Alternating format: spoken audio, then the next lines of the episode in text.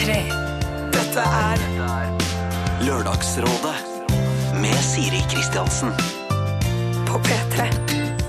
P3. God morgen, velkommen inn i Lørdagsrådet. Det er vår. Det er jo nå det skal bruse i blodet, knopper skal springe ut, det vokser kanskje litt i buksa, og det renner fra munnviken. Altså, enkelte urinstinkter har ikke asfalt klart å slippe bort. Det er vår, og folk er vårere. Det er så mye kåtskap og glede der ute at jeg, blir, at jeg føler jeg må øh, vaske meg når jeg kommer hjem. Skrubbe meg. Antibac og det hele. Men så er det et paradoks her i Lørdagsrådet i dag, for vi skal faktisk prøve å stoppe en forelskelse. Og dette er en forelskelse som har vart veldig lenge. Alle vet om den, den er stor og den er ekte. Men det går bare én vei, og i enden av den veien så står det en eh, jente da, som har mailet oss, som vil at den forelskelsen må ta slutt. Så får vi se om uh, rådgiverne og jeg klarer å komme opp med noen råd i dag til hvordan uh, hun skal få den forelskelsen til å stoppe en gang for alle. Men uh, før vi tar det skrittet, så skal vi ta et ganske stort skritt tilbake. Vi skal tilbake til 2012. Vi skal tilbake til før jul og i det hele tatt Uh, rett på andre siden av Kings of Leon. Lørdagsrådet. På P3. P3. Kings of Leon Use, som bare var det. Og vi eh, holder det fokuset. Altså, vi går litt tilbake i eh, tid. Vi skal tilbake til 2012. Rett før jul så var Gunhild Dahlberg her, Torbjørn Røe Isaksen var her, og Audun eh, Lysbakken. Og i bunken av problemer som vi pløyet oss gjennom, så møtte vi en jente. Og hun hadde etter et brudd med kjæresten i Oslo flyttet hjem til Nord-Norge og familien som hun hadde savnet så sårt. Problemet var bare at rett før hun dro hjem til nord, så traff hun en ny gutt i Oslo. Kanskje den rette? Vanskelig å si etter to måneder. Og nettopp derfor var hun usikker på om hun skulle snu døra der oppe i nord, og atter følge kjærligheten eh, sørover. Hun skriver en mail her. Jeg sendte mail i desember og fikk råd hva angikk kjærligheten. Flytte til Oslo eller bli hos familien. Jeg savnet så sårt i Nord-Norge. Eh, vi skal høre litt hvilke råd hun fikk eh, den gangen. For jeg tror folk kunne tatt tog i 15 timer for å få seg et lite ligg òg, altså. Ja, Det tror jeg. Så dårlig tror jeg faktisk om mannen. Eh, Det er veldig vanlig folk sier sånn Kan han være the one, eller den ene, da, som man kanskje skal si på norsk. Altså den man skal tilbringe livet med, må jeg anta da. Jeg tror ikke det går an å finne ut etter to måneder. Hvis hun skal finne ut om dette funker med han, Ja. så må hun eh, flytte tilbake eh, til Oslo, eller få han til å flytte til Bodø. Men det er lurt å, å ta seg tid, altså. Ja. Er ikke det det, da? Og, fordi det blir veldig forpliktende hvis hun flytter tilbake med en gang. Egentlig hvis hun flytter tilbake til Oslo, faktisk. Det er jo mye større sjanse for å finne den rette i Oslo, for det er mye flere folk. Ja. Eh, hvis han ikke er den rette, hvis hun flytter ned hit, viser seg at dette forholdet går eh, skeis, så er det jo ganske mange hundre tusen andre å, ta av. I motsetning hvis du blir boende i Bodø, da, som vi antar at det er. Det er en ganske stor by. Altså, det Jeg er tror det er ikke ikke mange som finner den rette andre steder enn i Oslo. ja, jeg, jeg registrerer det at folk møter hverandre og finner den rette også utenfor Oslo. Sorry. Dette er Lørdagsrådet. På P3. P3. Monica, som hun heter, hun har eh, skrevet eh, Jeg flytta. Litt trist å meddele at det ikke gikk så bra. Jeg ble dumpa etter under en måned. Ja ja. Fyren er en trivelig type, og vi er veldig gode venner fortsatt. Faktisk vil jeg påstå bestevenner. Jeg bor enda i Oslo, han var nemlig ikke eneste grunn til at jeg dro sørover som en trekkfugl. Uansett, god helg lørdag og god sending. Jeg digger dere. Tre hjerter. Med vennlig hilsen Monica. Det er veldig hyggelig, Monica. Og det kan jeg jo si til dere som hører på. Send veldig gjerne inn problemer. Eh, Jeg tror vi er i stand til å løse det meste. Men hvis du nå har fått hjelp, de kan ha vært både gode og dårlige, eller bare dårlige, eller bare gode, eller altså hva som helst. Hvis du har valgt å følge, følge det, så vil vi vite hvordan det gikk. Hvis du har valgt å ikke følge det, så vil vi vite hvorfor. altså, eh, dette er toveiskommunikasjon, eh, vennen min. Eh, Det nytter ikke å bare sitte på ræva i godstolen nå, spise potetgull og få, få, få, få. Her, vi er nødt til å bidra. Vi lever i et samfunn, osv. Ja, jeg stiller til valg i 2018. Eh, send det da inn enten som mail eller alfakrøll nrk.no, eller så bruker du SMS. Da er kodeordet P3, og nummeret det er eh, 1987. Dette er Lørdagsrådet. På P3. P3. Filter Rich det der, og hans Gal. Og så har vi også hørt eh, CLMD, Black Eyes and Blue, før det. Eh, Rådgiverne har kommet inn på plass én etter én. Dere ser litt usikre ut, for vi har ikke liksom vist dere hvilke mikrofoner eller stoler eller sagt det var ingenting. Er dere er stressa? Alt er riktig. Håvard Lilleheie, guttemannen, liker å kalle det. Du har vært der hundre ganger, så du er ganske trygg. Ja, ja 100. Ja. Ja. Når, når får jeg begynne å fakturere? Det lurer jeg på. Ja, Det kunne du gjort for lenge siden. Men det for sent, for nå har vi jo bikka 2012, så de pengene er borte. Men du får begynne nå i 2013, da. Så nå kan jeg fakturere? Ja, ja, ja. ja. Hvor mye er det per show? Eh, 750, eller så får du 1 12 time overtid da, hvis du er intern. Å ja, ja, men 750 er fint. det. Er ikke så Nei, jeg lever fint med 750. Multitalent, eh, Mia Hundvin, du er her også for andre gang. Det er veldig koselig. Ja, jeg har ikke fått headphones. Nei, det Men mangler jeg du. ser disse guttene tok på som en gang veldig proff. Unnskyld, det var ikke meninga Ting ordner seg innen vi går på Jeg rådgivning. Nå er det bare jeg bare si og ikke sant? litt sånn god morgen og grums ut av halsen. Og så må vi introdusere en ny rådgiver. Eh, Du ble stemt ut av Idol i går. Det er jo veldig trist, eh, Gunnar Greve. Velkommen. Du, hvem røyk ut av?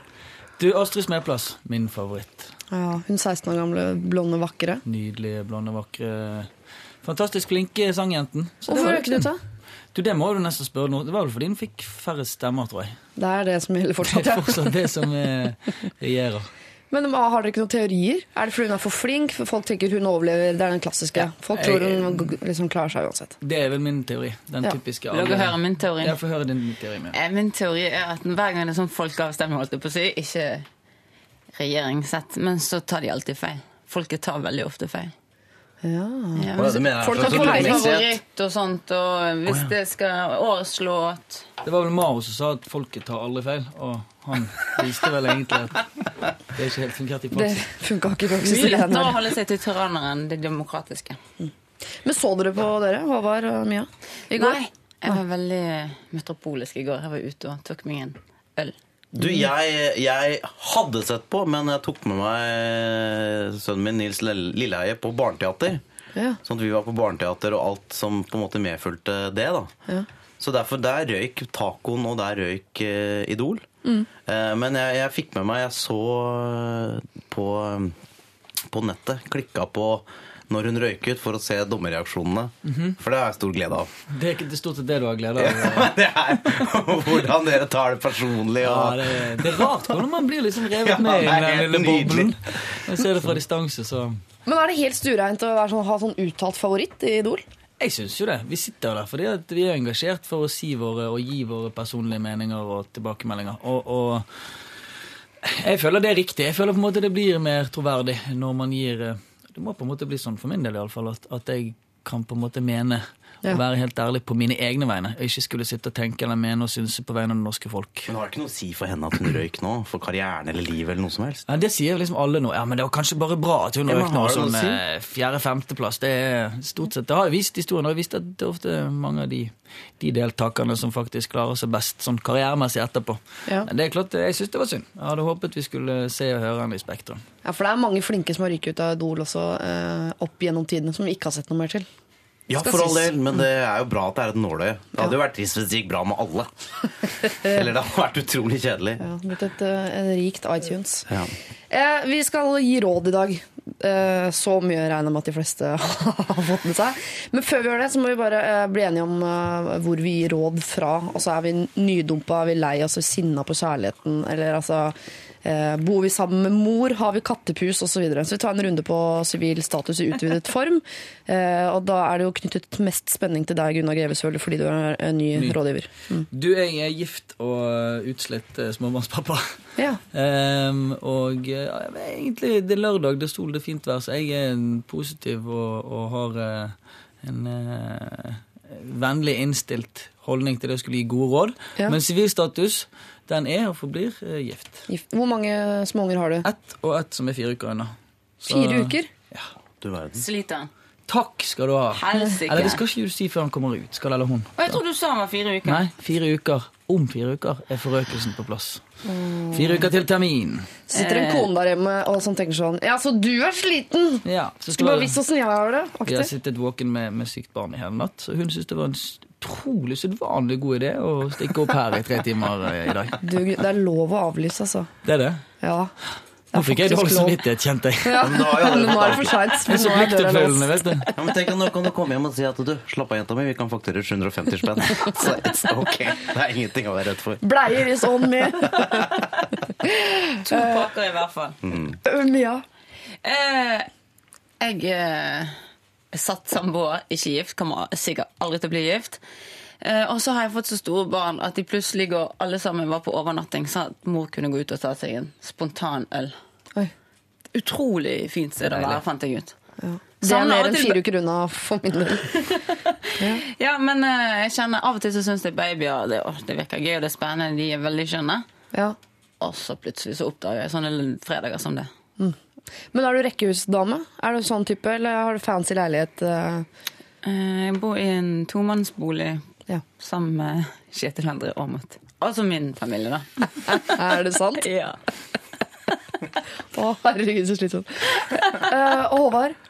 Ja, jeg, jeg har valgt enebolig uh, som boform. Uh, Drammen? I Drammen, ja.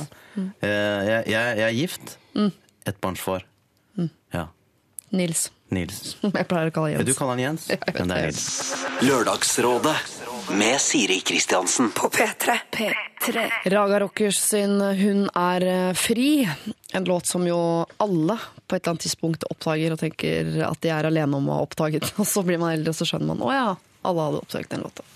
Hun er fri, altså. Eh, Dagens rådgivere, Gunnar Greve, Mia Hundvin og Håvard Lilleheie. Vi går eh, i gang med et, et problem som er ganske langt og ja, litt vanskelig.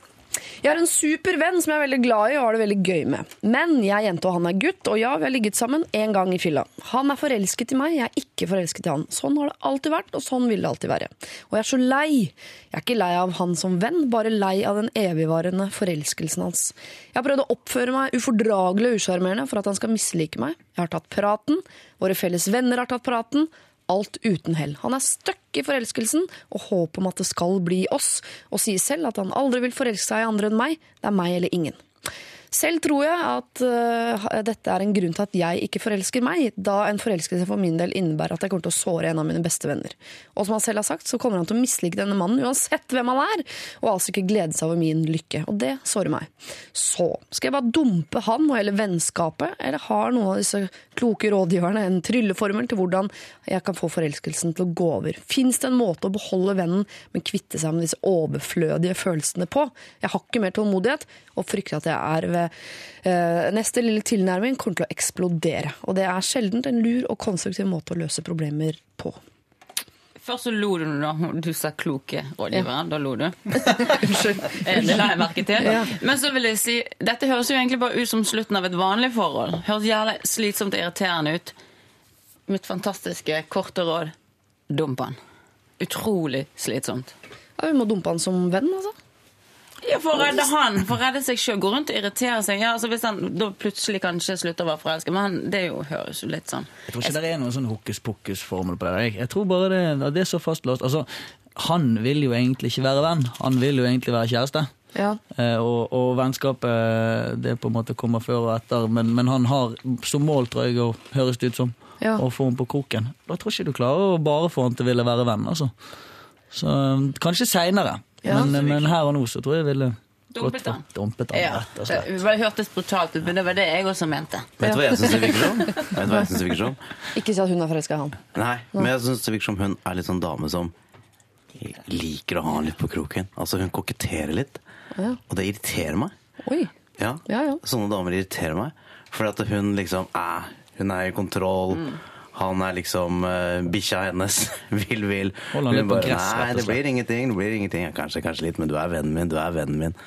Du, jenta mi, dette skulle du blitt for lenge siden. Så du er også på dump han-greiene? Ja, Barta for seint.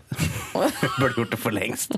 For, Jo, men eh, hvor, jeg, jeg tenker, hvor lenge kan den forelskelsen vare fra han? Er, kan det også dreie seg om å bare holde ut? At plutselig en dag så vil han jo treffe en annen dame som, som er like bra som henne, men som også vil? ikke når de går oppå hverandre. Nei, og så tenker jeg sånn, jeg må jo ha litt selv... Altså, Du blir ikke forelsket i en som ikke har ryggmarg. Unnskyld. Det er sikkert mange greier ryggløse, ryggmargløse folk der ute. Men det gjør man ikke. Det er ikke. Hvis ikke du er forelsket i utgangspunktet, og så er det en som alltid står som ja, som du sier, som en liten bikkje. Men jeg tror også at hun syns det er litt kjekt, for hun kan si åh, han er så forelsket i meg. Åh, jeg er litt sånn Jeg er så lei det. Men så gjør noe med det. Redd han.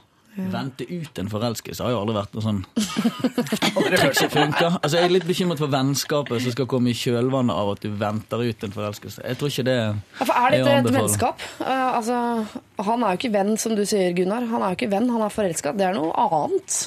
Det er jo i hvert fall ikke noe sånn jevnt maktforhold. Det er jo Han eh, Jeg syns jo synd på han. Jeg det syns, er jeg syns sånn litt synd på han fordi han ikke klarer å ta tak i det sjøl òg.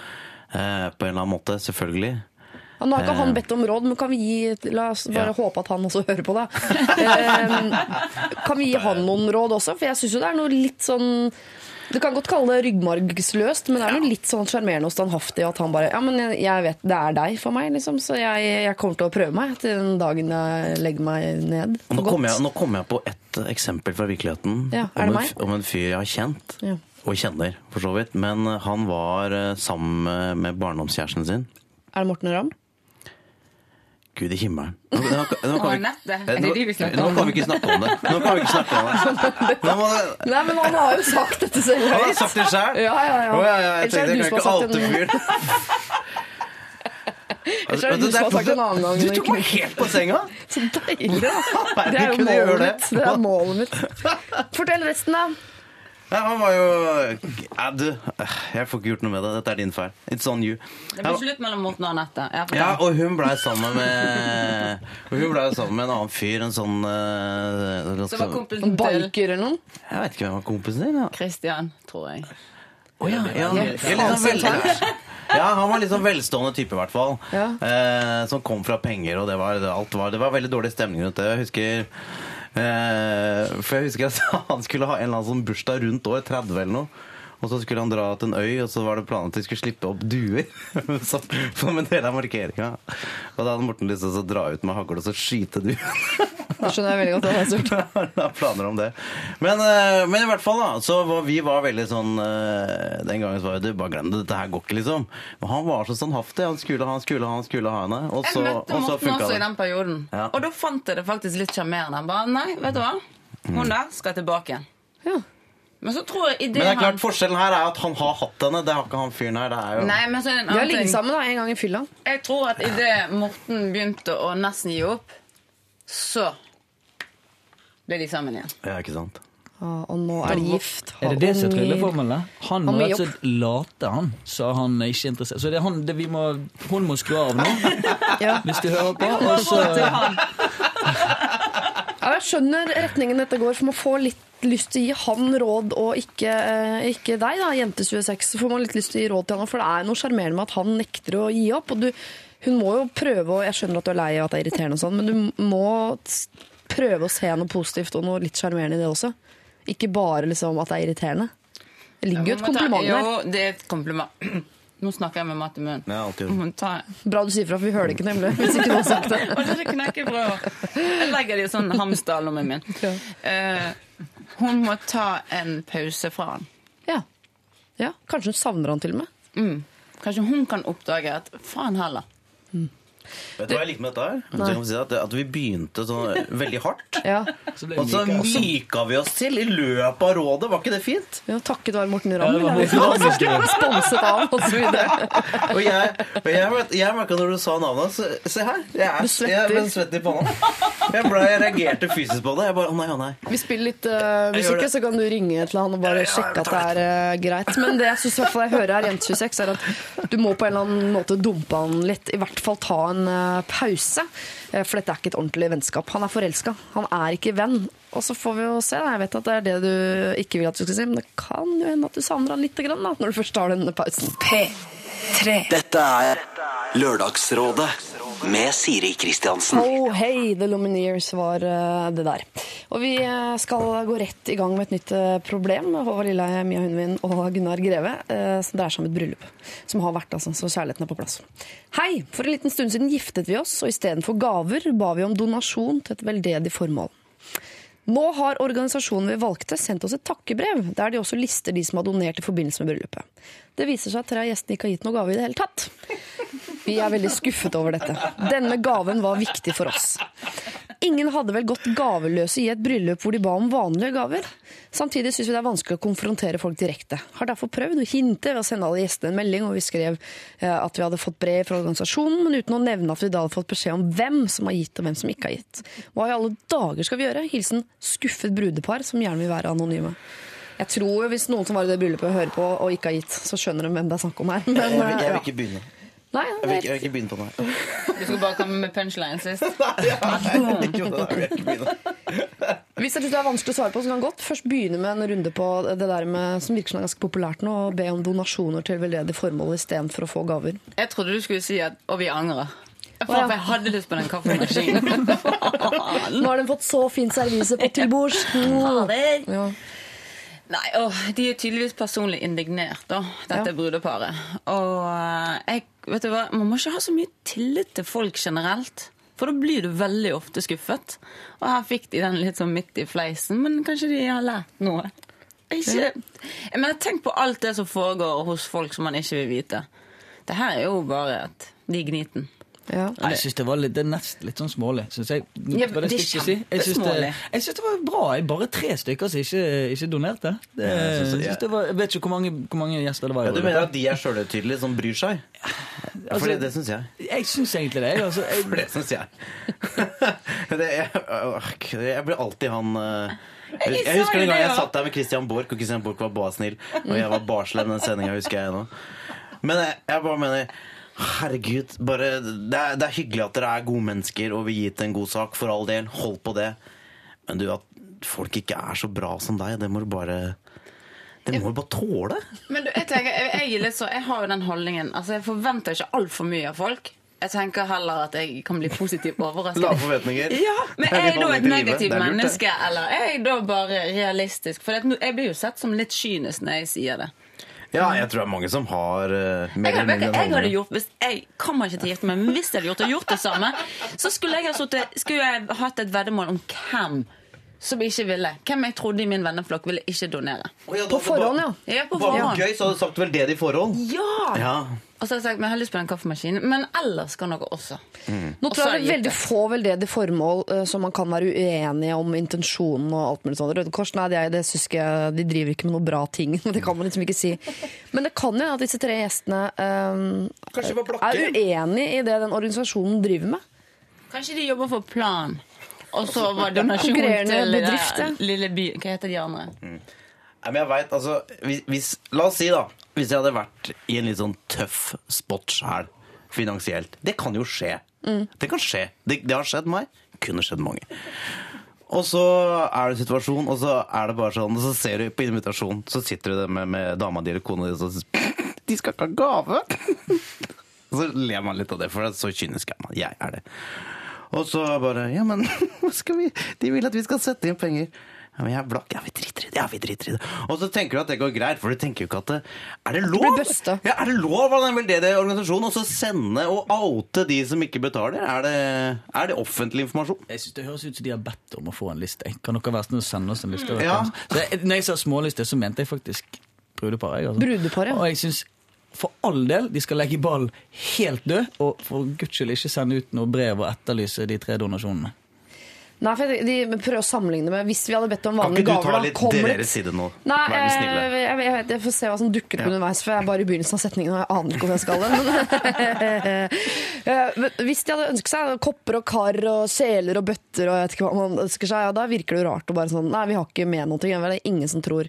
Men samtidig så vet jeg jo, nå har ikke jeg vært i veldig mange bryllup, men alle syns det er irriterende den, der, den utgiften et bryllup er sånn. Ja, jeg må gi gave, vi må reise dit og dit, vi må overnatte, jeg skal ha ny kjole. Ja, det var de 3000 kronene. Og det er midt i ferien også, så kan man drite og dra til Syden. Så er det liksom egentlig andres Man liker jo sitt eget bryllup sikkert. Ikke veit jeg, for jeg er ikke gift. Men eh, alle andres bryllup er jo eh, litt irriterende. Må være lov. Ja, det er, ja, det er både òg. Altså, hvis, hvis det er for mye hassle med folk du ikke er for nærme, så kan det jo du føles sånn. hassle? Det er når de står og sier hver dag skal jeg si noe fint til deg. Og da står jeg og er hun som står bak oss og himler med øynene. Altså, det går ikke an. Man ligger liksom litt på Igjen, ikke forvent for mye av folk, ikke forvent for mye av samboeren jeg skjønte ikke at, å si noe fint til folk hver er dag. sånn, ja, dette ekteskapet her, så skal jeg våkne opp hver dag, så skal jeg fortelle noe fint hver dag, og så skal jeg si ditt hver dag, og så skal vi gjøre sånn. Du er den beste. Nei, du er den beste. Det kommer et tidspunkt hvor ikke Ekteskaps- eller bryllupsfiendtlighet der i rommet. akkurat nå, Jeg, merker jeg. jeg, Jo, men det er kjempegøy hvis man bare sånn som ikke, bare er gift. ja, Og ikke ha de her forbaskede høye forventningene hele tiden. At ting skal være sånn og sånn og sånn. Har du vært gift noen gang? Mia? Ja. Har du det? Ja. Ja, ja, sorry. Jeg, jeg husker ikke det jeg ser ja. Sorry, da. Jeg leser bare overskriften. Ja, det var et fint lite øyeblikk. Hvis jeg oppfattes som sur oppi dette, her, så er det bare fordi at jeg så inderlig ønsker å bli gift. Og alle må komme, og alle skal kjøpe dyrgave. Det blir ikke noen donasjoner. Ingenting. Men, men lokføreren frir ikke? Nei, fordi jeg maser sånn, så han sier sånn Jeg rekker jo aldri, for du maser så jævlig. Sier han. Ah, han er Altså, du mener det, altså? Du vil Ja, ja. virkelig? Inni dårlig kjenner, der. når du tenker på sånn invitasjoner og hvem som skal komme, allerede Mm. der friker jeg ut og bare Det her orker jeg ikke. Jeg har akkurat hatt konfirmasjon. Mm. Det holder for selskaper i 20 år. Takkekortene bare. Jeg Har ikke sendt ut takkekort Jeg er et år nå snart, og jeg har ikke kommet Så nå hadde min kone kom hjem og sa Du, nå var jeg ute og traff min fadder Var ute og spiste lunsj med fadderen min, som Mm. lurte på om takkekortet var kommet bort i posten, eller om vi hadde rett adresse, eller Men det er, Men nå kan kones, dere det er kones jobb å sende de kortene. Er det det? Ja, det er en kvinneoppgave. Ah, nei, men da Hvor står det? Hæ? Hvor står det henne? Det står i genetikken. altså Det er skrevet. Inni den der bøylen du har i BH-en. Der står det. Der står det. Men eh, Det er sånn det er. Gunnar, dere må bare vente nå, for snart må dere sette ut kort med bilde av den nye babyen. Nå kan dere bare kjøre bryllupsbildet og det sammen. Og så, To fluer i en smekk. Ja, det hadde jeg med. Men nå glemmer vi dette brudeparet som helt Jeg tipper de tenkte at vi skulle sånn Fy faen, noen drittsekker som ikke har gitt. Men jeg, når det er donasjon, så er det vel i større grad frivillig om man vil gi eller ikke, mm. enn om det hadde vært at de ønsket seg et servise. For da, eh, man kan ikke komme i bryllup uten gave. Syns det, altså, Det er fysisk er kan man det i praksis, men Jeg syns det hørtes rimelig ut. Og jeg syns egentlig de Flott at de velger å gi eh, gavene sine til, en, til et veldedig formål. Og så syns jeg vi skal være kjempehappy med at nesten alle gjestene har gitt, og så legger ballen død der. Hvis ikke det var seks gjester, så var det halvparten som ikke ga. Det er litt kjipt. Det var det. Ja, men så det sånn, når dere kaller dere hilsen skuffet brudepar eh, over venner, selvfølgelig, men på vegne av dere selv, at dere har dårlige venner, eller på vegne av organisasjonen, for hvis det er så viktig for dere, så kan du jo gi noe mer penger selv, da. Hvis Jeg syns det er rart at de kaller seg brudepar. Skuffet brudepar. Jeg er litt bekymret for Det er ekteskapet. presist. Hva, hva mener du? Hvis dette liksom er starten på ektes, det skuffede brudeparet Jeg er litt bekymret for at dette blir en konflikt og et problem med så tidlig et ekteskap. Nei, nei, selv jeg tidlig stopper folk det der, finner vi. Ja. eh, for nå har vi svartmalt liksom hele deres og bryllupet. Altså, alt så, Nei, hvis du skal jeg svartmale si fremtiden Ja, deres òg, så da må si bare? Reparer, reparer. Ok, Jeg reparerer med å si at de sammen blir sterkere når de har noen å jobbe mot. Så kanskje det var bra, for det, da blir de for vi to er så enige. Vi. Dette var utrolig skuffende. De Mm. samler seg som par, og så får vi bruke det godt med at de ikke ga. For da hadde ikke de funnet det i hverandre. Og så har dere potensielt tre bryllup i framtiden hvor dere slipper å gi noen ting. Og det er også deilig å tenke på det. ikke sant? Så holder det med den nye solen og den overnattinga på det hotellet osv. Lørdagsrådet På P3. P3 Et godt eksempel på at det er ikke så gærent å ikke vinne Idol. Margaret Bergljot der og Samantha. Nå kom hun riktignok på andreplass, ikke på Hva ble det på Atter i går? Femteplass? Nei, fjerde? femte. Femteplass. Ja, ja, så får vi se, da. Plutselig en dag spilles hun på P3 eller skal til Melodi Grand Prix. Hvem vet? Hvem vet? Hvem vet? Uh, Gunnar Greve, eh, Mia Hundvin og Håvard Lilleheie, dere skal få lov til å velge nå. Jeg står mellom to problemer. Jeg er usikker på hvem av dem vi skal ta. Uh, det ene har jeg valgt å kalle Dirty Baby Talk, og det andre heter Sexleketøy. Så vi er innenfor samme, samme landskap, da. Eller vi er, i senga, da. Får vi vite noe mer før vi Nei? Ja, Da går jeg for Dirty Baby Talk. Ja. Ja, jeg går for babytalk også. Da må jeg være mot strømmen og gå for sexleketøy. Men da, men da, du, da typisk kan ikke du også stemme. Og så kan vi diskutere litt mer før vi Typisk Gunnar. Eh, skal, skal vi bruke tid på det? Jeg lar dere, altså Det ble to for Dirty Baby Talk, så da går vi for den. Altså. Um, hei, Lørdagsrådet. Jeg har et lite problem. Typen min er en til daglig veldig mannemann, men med en gang vi kryper til køys og det begynner å skje ting, starter han å snakke babyspråk. Jeg syns dette er ganske distraherende og ikke veldig turn on eh, med jevnlige tittei mellom kyssene, men vet ikke hvordan jeg skal si det til han. Vi er 24 år. Har dere noen tips på dette? Jeg vet at kommentarer i senga kan være ganske kjipe å få, men jeg er også redd for ikke å si noe hvis han faktisk tror at jeg liker det. Hilsen forvirret jente. Altså typen hennes går over til ba babyprat i senga. Men jeg tipper at han er bare sånn misforstått. At han, eh, han gjør det fordi han eh, av en eller annen merkelig grunn tror at hun vil ha det sånn. For det er, det er ingen gutter som egentlig Det er ikke en fetisj, det. Vil. Baby, babysnakking. Jo, det er jo det. Jeg mener jeg har sett bilder eh, eh, av folk som tar på seg bleie og som tenner på at den andre må være baby og sånn. Er ikke det en greie? Jo, man, men han er jo ikke helt der. Altså, det er jo ikke Nei, men dette er kanskje begynnelsen på noe, altså.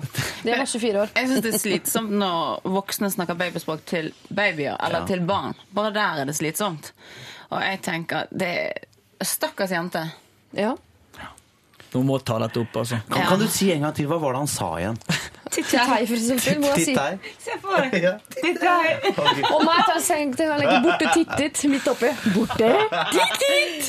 Borte. Ja, det er Det litt gøy hvis han gjør det med tissen. Hjemmetissen. Borte tittit! Ja,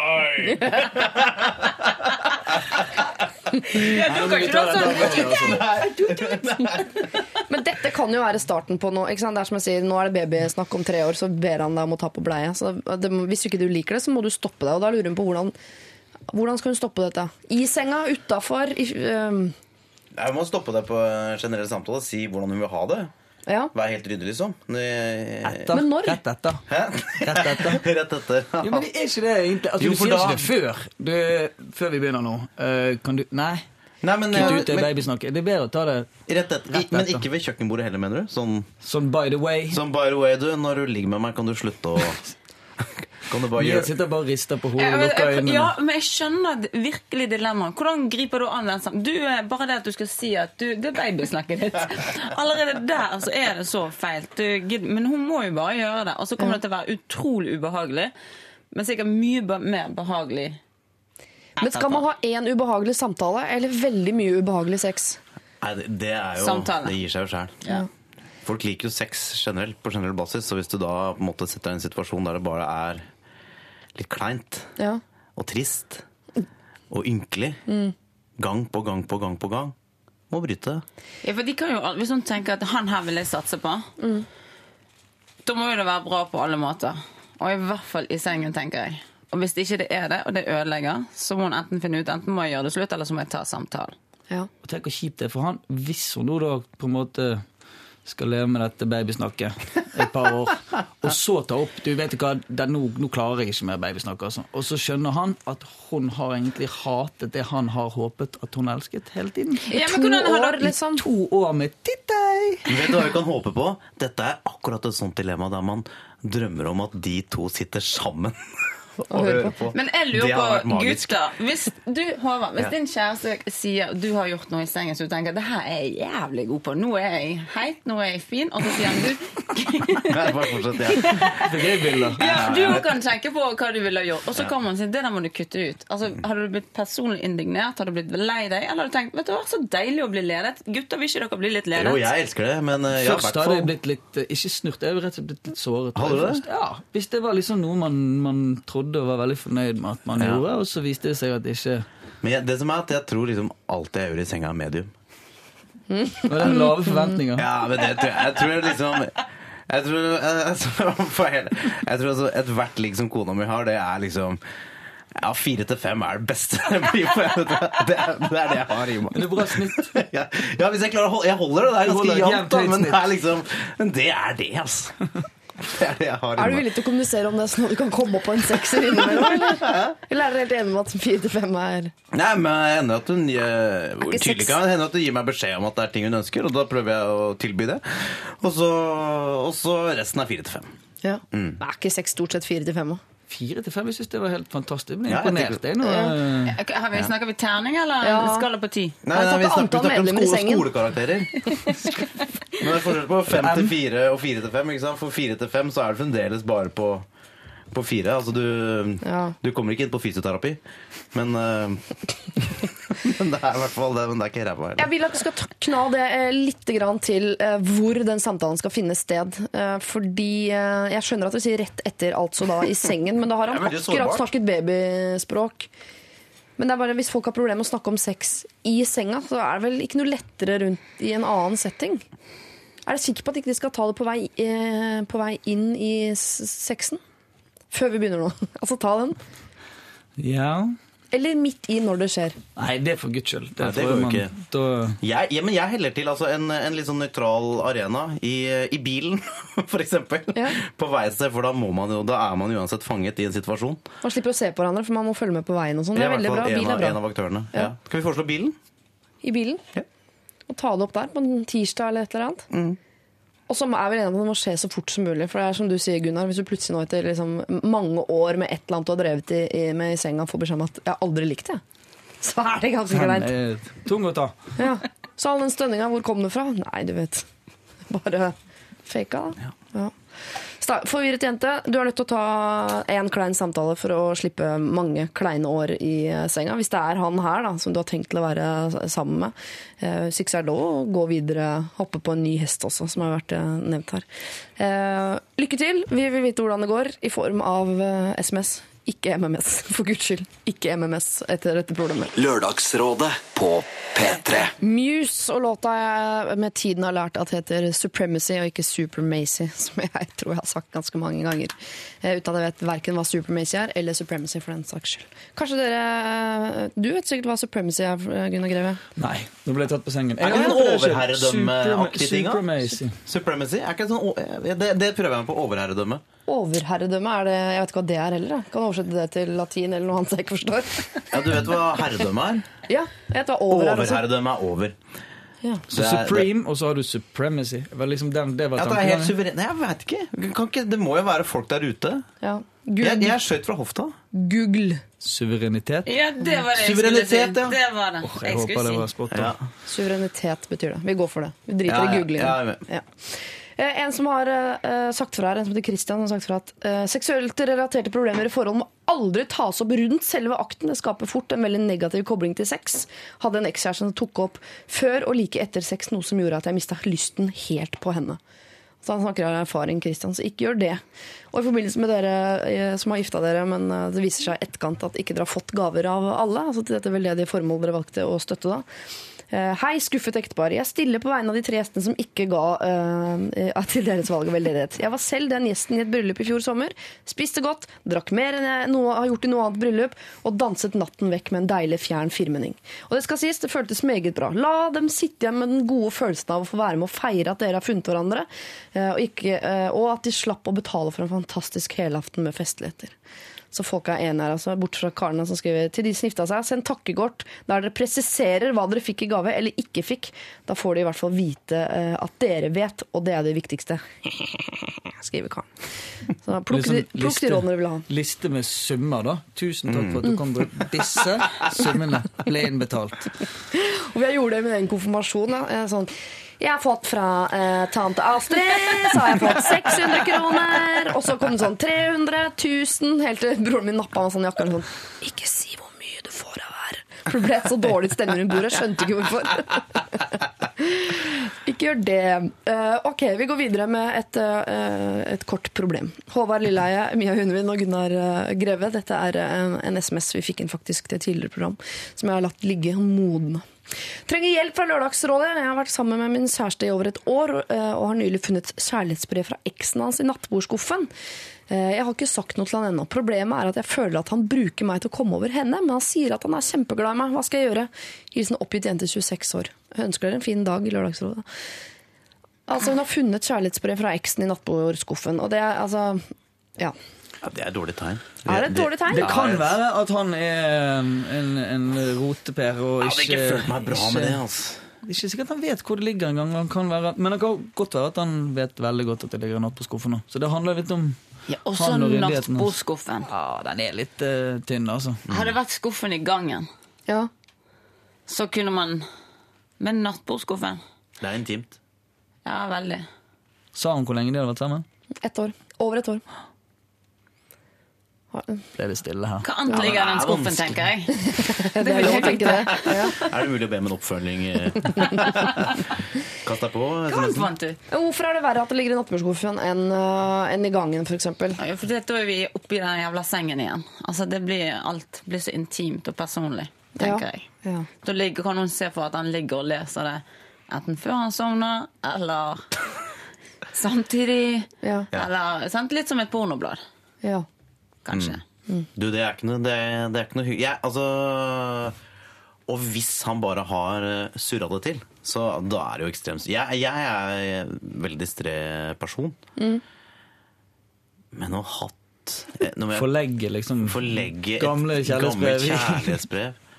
Natt på skuffen. Eh, Jeg har fått så skuffende få kjærlighetsbrev i løpet av livet mitt. Det tenker jeg også på men Det er ikke så mange som får så mye av Men nå det. er det mer sånn, nå finner du sånne kjærlighets-SMS-er. Kjærlighetspoke. ja, ja, jeg, det, det er ikke noe, jeg, jeg ville sett på det som et veldig dårlig tegn.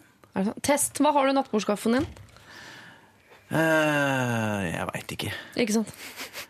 Uh, Du strøyk. ja, jeg har ikke noen griser i deg, faktisk. Nei. Men Det kan det ligge et gammelt kjærlighetsbrev der? Nei, er du gæren? Jeg har jo flytta flere ganger med Jo, kona mi. Men alt Nei, nei, jeg hadde jo vært uh, Gud, jeg hadde vært singel i evigheter da jeg møtte Da får ikke man kjærlighetsbrev. Hæ? Man får ikke det som singel. Nei, nei, jeg, fikk, jeg tror ikke jeg fikk et eneste et. Eller jeg har, jeg har fått sånn noe, noe sånne jeg har fått noen sånne brev fra freaks når jeg har vært på TV. sånn, det. De ligger ikke natt på skuffen. Ja, det teller ikke. Jeg tenker på at det må være liksom et sånn eh, Altså et- et brev fra et eh, Hva skal vi si? Et eh, noenlunde likeverdig menneske som finner meg Men jeg attraktiv. tror også hun må ta dette opp. Det er det ikke tvil om. Nei. Mener jeg. Altså, Jeg syns det er utrolig at hun ikke har gjort det. For Ja. det er, de fleste jenter ville sagt Hei, hva er det her? Spontant reagert ja, når de mange er konfliktsky? Ja. De fleste. Jenter også. Og så går de rundt, og så Kan dere lære meg litt om det? For det jeg må, jeg må bli litt mer konfliktsky. Har du egne intensjoner med å være med i Lørdagsrådet, Mia? Jeg kjente plutselig oh, Ja, men du er jo Konfliktsky? jeg, Ikke? jeg, tenker på, jeg kjenner deg jo ikke så godt. Eller jeg kjenner deg ikke, men jeg tenker på deg som ekstremt sånn direkte og og én til én. Du facer alt i livet, tenker jeg. Hele tiden. Hele tiden. Det må være slitsomt. Fy faen. Nei, men, men, men det er klart at det er jo på en måte et, et, et enkelt, men vanskelig svar på, et, eh, på dette problemet. Og det er jo, så Håvard sier, dette liksom handler om å face det og konfrontere det. Og det ligger jo sånn iboende i oss at det er liksom noe vi, det der er noe man ikke ønsker å ta tak i. Men, Men problemet er at det er litt sånn, det. problemet er litt sånn du veit ikke om han kommer til å ljuge.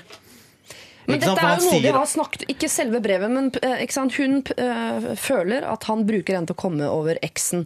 Men han sier at han er kjempeglad. Så den samtalen har de jo tatt sånn og De har tydeligvis snakket om, at, eh, er tydeligvis om denne eksen og sånn. Ja. Det er det brevet som ikke har, har vært snakket om. Men allerede så lurer hun på ikke sant, om han er ærlig Mm.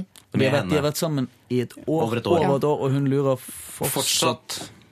Og så kommer dette brevet, og hun kan jo konfrontere han så mye hun vil. Men problemet er jo, sånn som eh, dette er formulert, at du veit ikke om han kommer til å snakke sant. Ja, men mest sannsynlig ikke. Nei. Det det den er lave, lave troen på menneskeheten igjen? Jeg velger å tro at han sier eh, akkurat det som er sant med en gang, hvis du spør ham. Neida, men, men, men, uh... Ja, men jeg, jeg sier ikke at han lyver fordi at han er ond, eller Han gjør det for han ser jo hvor dette bærer hen.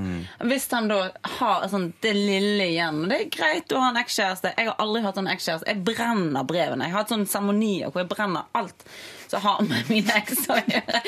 Nå Fortell meg, jeg. fortell meg. Og jeg mistet meg sjøl. Det var en digresjon som bare tok helt overhånd i hodet mitt. Det er kjempefint. Jeg elsker digresjoner. Fortell mer. Bensin, eller hva brukte benzen? Hva brukte?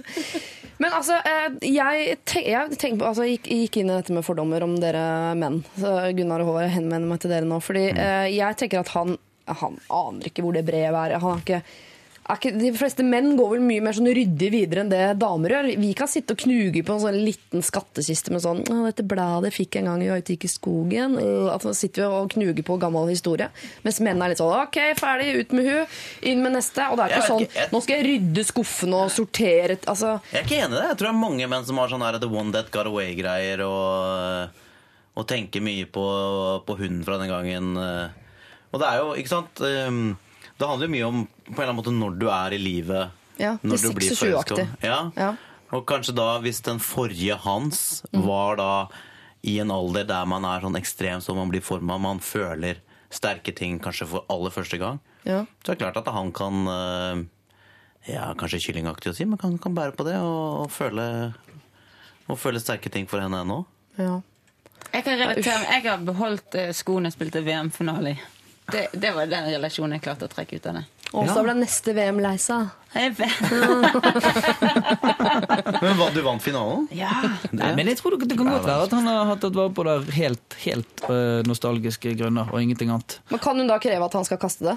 Ja, det kan hun. Helt Ja. åpenbart. ja, det synes jeg også. Men det er jo klart at vi nå snakker veldig direkte om dette brevet, og så er det åpenbart at denne eksen og dette forholdet har vært et tema. Og Ja. er et tema. Og da er det vel på en måte kanskje litt mer eh, bredere og litt mer omfattende enn bare det brevet. Og det øker jo sannsynligheten for at han vet At det brevet at det brevet ligger Og jeg kjenner hva står i brevet.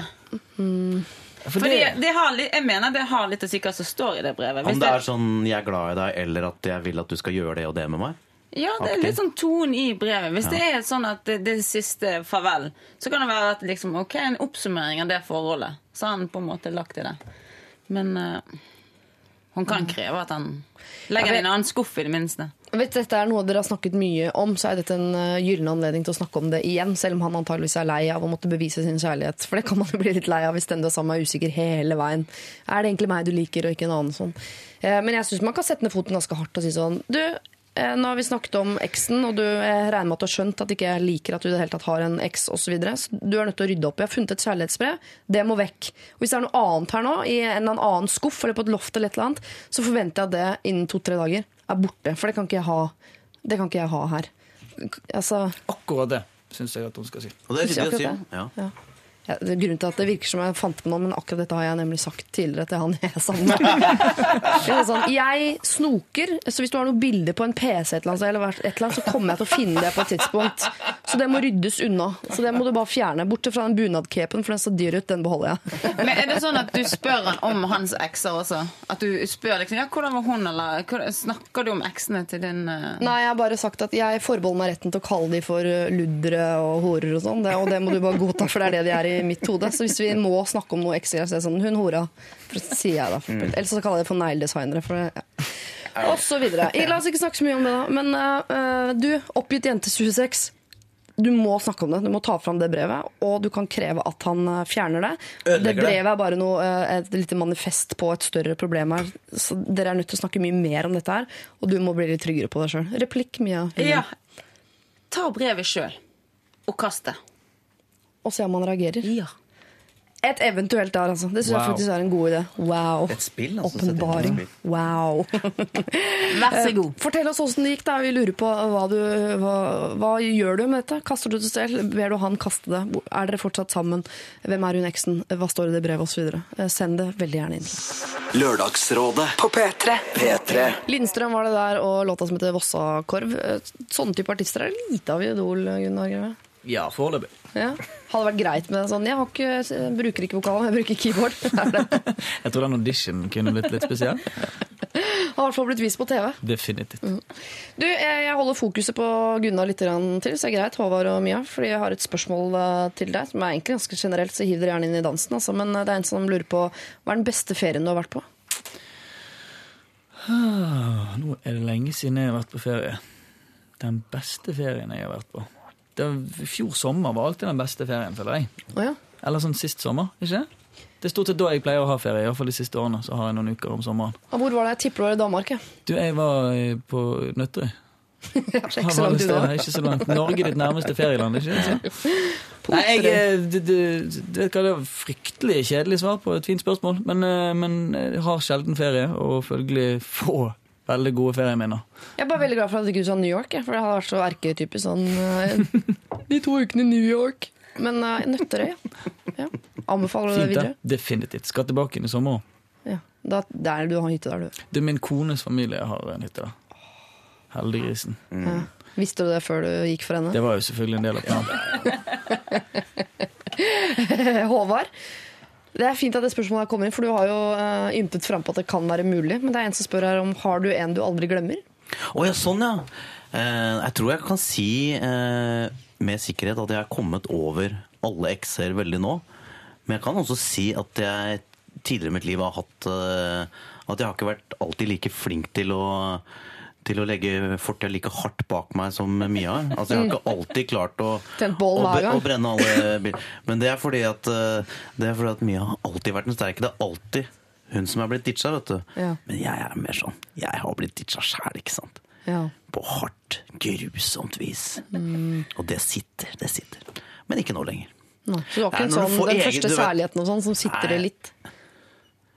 Nei, altså jeg, jeg, kan, te altså, jeg kan tenke tilbake med, med glede på, på de følelsene som liksom du har som, som, som ung gutt. da. Mm. det, det, på en måte det sterke, sterke forelskelsen.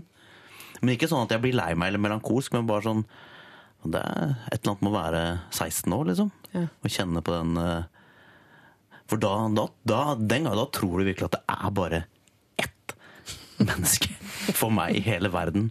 Og tilfeldigvis så bor jeg rett oppi gata. Det er jo helt jo- Men det er et minne som dukker opp mellom en fotballkamp og noe annet ræl fra fortida. Sånn type. Ja, typisk Hvis du kjører på gamle trakter, eksempel, og Ja. kjører forbi et sted der du har eh, et eller annet eh, Ja, så, så, så begynner jo assosiasjonen å gå. Ja. Mm. Det må være lov. Det, du, det må være greit. Eh, eh, Mia, jeg er en som lurer på Hva hadde du brukt lottopenger til? Jeg tipper spørsmålet er altså, Hvis du plutselig bare har hatt sykt mye penger, da. Hva hadde du brukt dem på? Bensin til å brenne brev. Gud, altså, det kommer fram som veldig, har- veldig myk inni. Du kunne kjøpt et sånn gammelt kapell med sånn forbrenningsovn. Krem- Du bare rulle inn brev. Jeg har sikkert kjøpt- begynt å kjøpe masse sånn kopper og gått inn i butikker og bare kjøpt sånne helt unyttige ting. Det har jeg begynt med. Oh, ja. Eller kopper er jo kjempenyttig, men jeg har nok kopper. Men jeg, jeg klarer ikke å si én stor ting jeg ville kjøpt. Er det sant? Er det ikke et kunstverk du kunne tenke deg, for eksempel? Altså, ikke nødvendigvis Eiffeltårnet, men noe, bilde av René Magritte. eller Er det ikke noe liksom Dueslipp hver morgen. Ja, dueslipp. Og så har jeg ikke, jeg har ikke noe sånn shoppegen heller, så jeg kan ikke si 'Å, en Chanel-veske'. det er da endre jeg har, Jeg har blitt så skuffa hvis det hadde vært svaret ditt. Ja, er det Jeg ikke- gått og kjøpt meg en Chanel-veske. ikke du har noe veskedame. Ikke veske og ikke sko. Jeg tenker ikke på annet enn penger. Jeg, ikke det? Nei, jeg hadde kjøpt designmøbler herfra til evighet. da. det hadde jeg kjøpt den dan, eh, danske tyske sofaen. Eh, er sånne forskjellige Jeg vet ikke hva det heter. Men de er forskjellige fargene på putene som Ja. kona mi har i bladene. Ja. Ja, ja, ja. Eh, Jeg vet ikke hva den Hun- hun heter, men jeg tror den er i, Borgen, så hun har en sånn. Du vet hva de sier, det er, ikke, det er ikke design, det er tysk. Det fins ikke design fra Tyskland. Det er bare, de tenker bare på funksjon. det er funksjon. Det er bare funksjon. Nede i Tyskland. Du må til Danmark. vet du. Tur til Danmark. Det var ganske kjedelig svar. Ja, men du har kjøpt den sofaen som hun i Borgen har, da, med masse farga puter, som kona til Håvard har bilde av i et blad. Ja, for eksempel, eh, Han skal ha vært rød. Altså det er forskjellige røde toner i putene. Jeg tror jeg vet, jeg tror jeg, for jeg tror jeg har sett den, altså, den, er det sånn, den er litt sånn artig form på den. Ja. jeg veit hva du snakker om. Hei, dere må ut og ta en kaffe etterpå. Det er helt tydelig. Dette er Lørdagsrådet På P3. P3. Zara Larsson, Uncover var det der før det Carpe Diem og Snøhvit. Zara Larsson er vel en sånn eh, som man skulle ønske hadde dukket opp i Idol en eller annen gang. Jeg er ikke meningen til å drikke linken til Idol hver eneste gang vi spiller musikk, eh, Jeg synes det er så Men bra. Men du har du sett iTunes-listen i dag, for at, eh, disse Idol-deltakerne ga ut hver sin låt i går. Nå ja, det ligger vi- første og andre, i hvert fall. Første, andre, Og der er han fjerde og femte. Og alle fem låtene inne på topp ti. Nå fikk jeg gjort et reklame. Ja, men kan jeg spørre noe? Det virker grådig lett å komme på toppen av iTunes-listen. Ja, så gjør det du, da. Ja, nemlig. Det vet jeg faktisk. Ja, Lag en sang, du, da. Så setter den opp. Men det er liksom, eh, du hører folk gir ut noe, sånn automatisk på toppen. Ikke kunsten å være der lenge. Ikke det da man kan begynne å si sånn ah, 'Dette her er jævlig fett. Jeg har vært der i ti uker'. Nå knuste jo du hele oppkjøringen min. mange- Men, men, men du har vet hva, du må bare si du har jo litt rett, for det er jo sånn at volumet kanskje ikke er fantastisk stort som Nei. får nå toppen av iTunes-listen. Men det er jo like fullt et barometer og en pekepinn på hva folk liker og vil lytte til. Ja, og jeg skal ikke ta Å, herregud, så glad jeg hadde vært her i dette møtet toppen av iTunes. Nå vet jeg hva du skulle brukt pengene på hvis du ble lottomillionær. Kjøpt sin egen låt i Bare iTunes. én uke, så hadde jeg vært kjempeglad. En, nei, det er ikke sånn ukebasert, eller er det det? Nei da, den er oppdateres hver halvtime. Det som er rart, er at liksom alle bare driver og streamer musikk, og ingen kjøper lenger. At VG-lista og sånt fins lenger. Jo, Men den er jo også basert på Nei, men den er ikke. Ikke på iTunes. Nei, Nå må ikke vi begynne på dette her, kjenner jeg. Dette jeg for, eh, det, det er sånn at Singellisten der, eh, der vurderes streaming. Men på albumlisten så blir ikke streamingtallene tatt hensyn til. For det er klart at dette er litt sånn Hvordan skal man vekte det når man hører på enkeltlåter Ja, ja. ikke hele plater? og sånn som det. Men, men faktum er at uh, streamingen utgjør etter hvert ganske betydelige deler av, av det totale musikkonsumet. Så det er litt sånn feil pekepinn, eller feil, feil barometer VG-lista om dagen. Det er ikke rart at det ligger så mye sånn gubbemusikk på toppen av albumlista. For det er jo de som kjøper album. Altså, vi kidsa er vann på på- nett. Bare godgutta.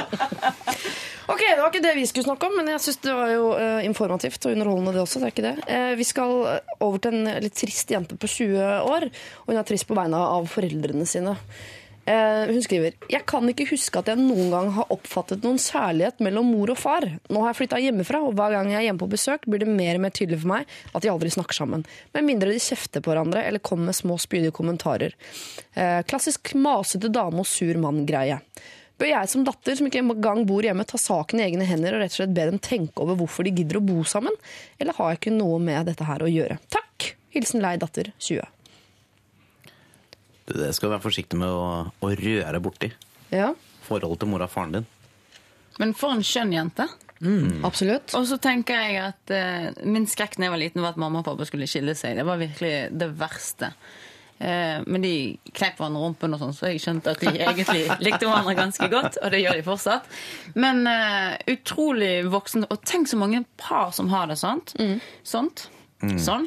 Eh, og jeg synes eh, hvis hun, hun vil jo at mammaen og pappaen skal være lykkelige. Ja. Så kanskje hun kan si det, for det er grusomt å være med sånne par. Som enten kjefter, eller som klager, og de bare frekker med hverandre. Det er så kjipt å være med sånne folk. Men du hører jo på, på, på, altså en skjønn jente, og måten hun på en måte presenterer problemet på, så tror jeg hun har en god kommunikasjon, kanskje med begge foreldre. Iallfall en av dem. Eh, jeg, for jeg lukter det litt sånn at jeg syns kanskje hun skal ta en prat med mamma jeg, og høre litt om hvordan, hvordan egentlig hun har det, og hvordan kommunikasjonen er.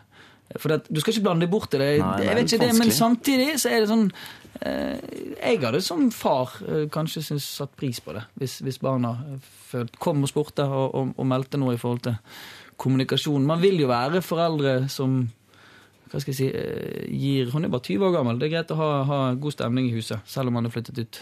Men jeg tror kanskje disse foreldrene ikke vet om at de er som de er. For de er så utrolig satt i det. Så kanskje kan det være på et merkelig sted at de er lykkelige, så derfor ikke roter rundt i det, for de har det, alltid hatt det sånn. Og sånn er det. Jeg det, er, jeg, jeg, ikke sant? Det, er, det er jo to måter å se det på. Det, det ene er å tenke ah, når unga mine blir voksne, hvordan skal de tenke, snakke til meg? Og så er det å tenke hvordan kan jeg snakke til mora og faren min? Så hvis jeg hadde liksom gått til faren min og kommet med litt sånn samlivstips Det hadde ikke Rolla Lilleheie. Det, det er han ikke så interessert i. Nei. Da Fra hadde han meg. blitt sur. Hæ? Hadde han blitt sur? Jeg, jeg tror han har blitt sånn Eller han har bare blitt sånn Hva er det du driver med, en idiot? Ikke Men det er kommer litt, an på hvordan hun tar det også. Hun kan ikke komme inn i dette med, sånn, med noen sånn bedrevitende, smarte tips fra hofta. Og si sånn, nå skal jeg lære dere hvordan man lever sammen, mamma og pappa. Og ikke sette seg ned med begge, eller at det skal være øh, av hensyn til henne, eller noe som helst sånn. Men ta en av de, velge seg sin favoritt, for det har man jo hos foreldrene sine. Eh, På lik linje som de har en favorittunge. Helt sikkert. Min søster. Søstera di. Eh, og ta til side For det, kan, ja, det er som du sier, er ikke, de er ikke sikkert de er klar over at, det, at de har det jævlig engang. Så de trenger bare en fra utsiden som brekker hull på bobla. Sånn at de Enten så sier de sånn Å ja, nei, oppfatter vi sånn? Nei, vi er kjempeglade hverandre. Og så kanskje de får det bedre fordi de blir minnet på sånn Faen, vi er glad i hverandre. Og det har jeg ikke tenkt på siden 72. Eller så er det sånn Nei, vet du hva. Hvis til og med sånn at folk merker hvor jævlig det er, så må vi bare rydde opp. Er ikke det, er ikke det ryddig? ja? Jo. Ta en prat med mamma, syns jeg. Du, jeg, men jeg, er litt skeptisk, men jeg bøyer meg for flertallet. Men jeg hadde sagt det når de begge var Vet du hva, Jeg er utrolig lei av å høre på denne måten dere snakker til. Jeg syns ikke det er noe kjekt å høre på. Og jeg har sagt, sagt det til begge to. Det vet vi. Det, men du har, eier jo ikke konflikt. eller Jeg har ikke sperrer. filter. Da er det jo, så er det jo søstera di som er favoritten nå, da. Det forklarer ganske mye, kanskje. Hvordan er, det, hvordan er hennes personlighet sammenligna med din? Hun er for det første gjelder kjønn. Ja. Og så er hun Hun har ikke noe konkurranseinstinkt i seg. Hun sa at du fikk alt. Hun, var sånn, Mm. hun så at det stjal fra Monopolbanken. og så tenkte hun å herregud, vær så god. Ja. Jeg driter i det. Eh, og så, eh, ja Litt mer Kanskje ikke gå så hardt inn i det, men ja. Softere, liksom?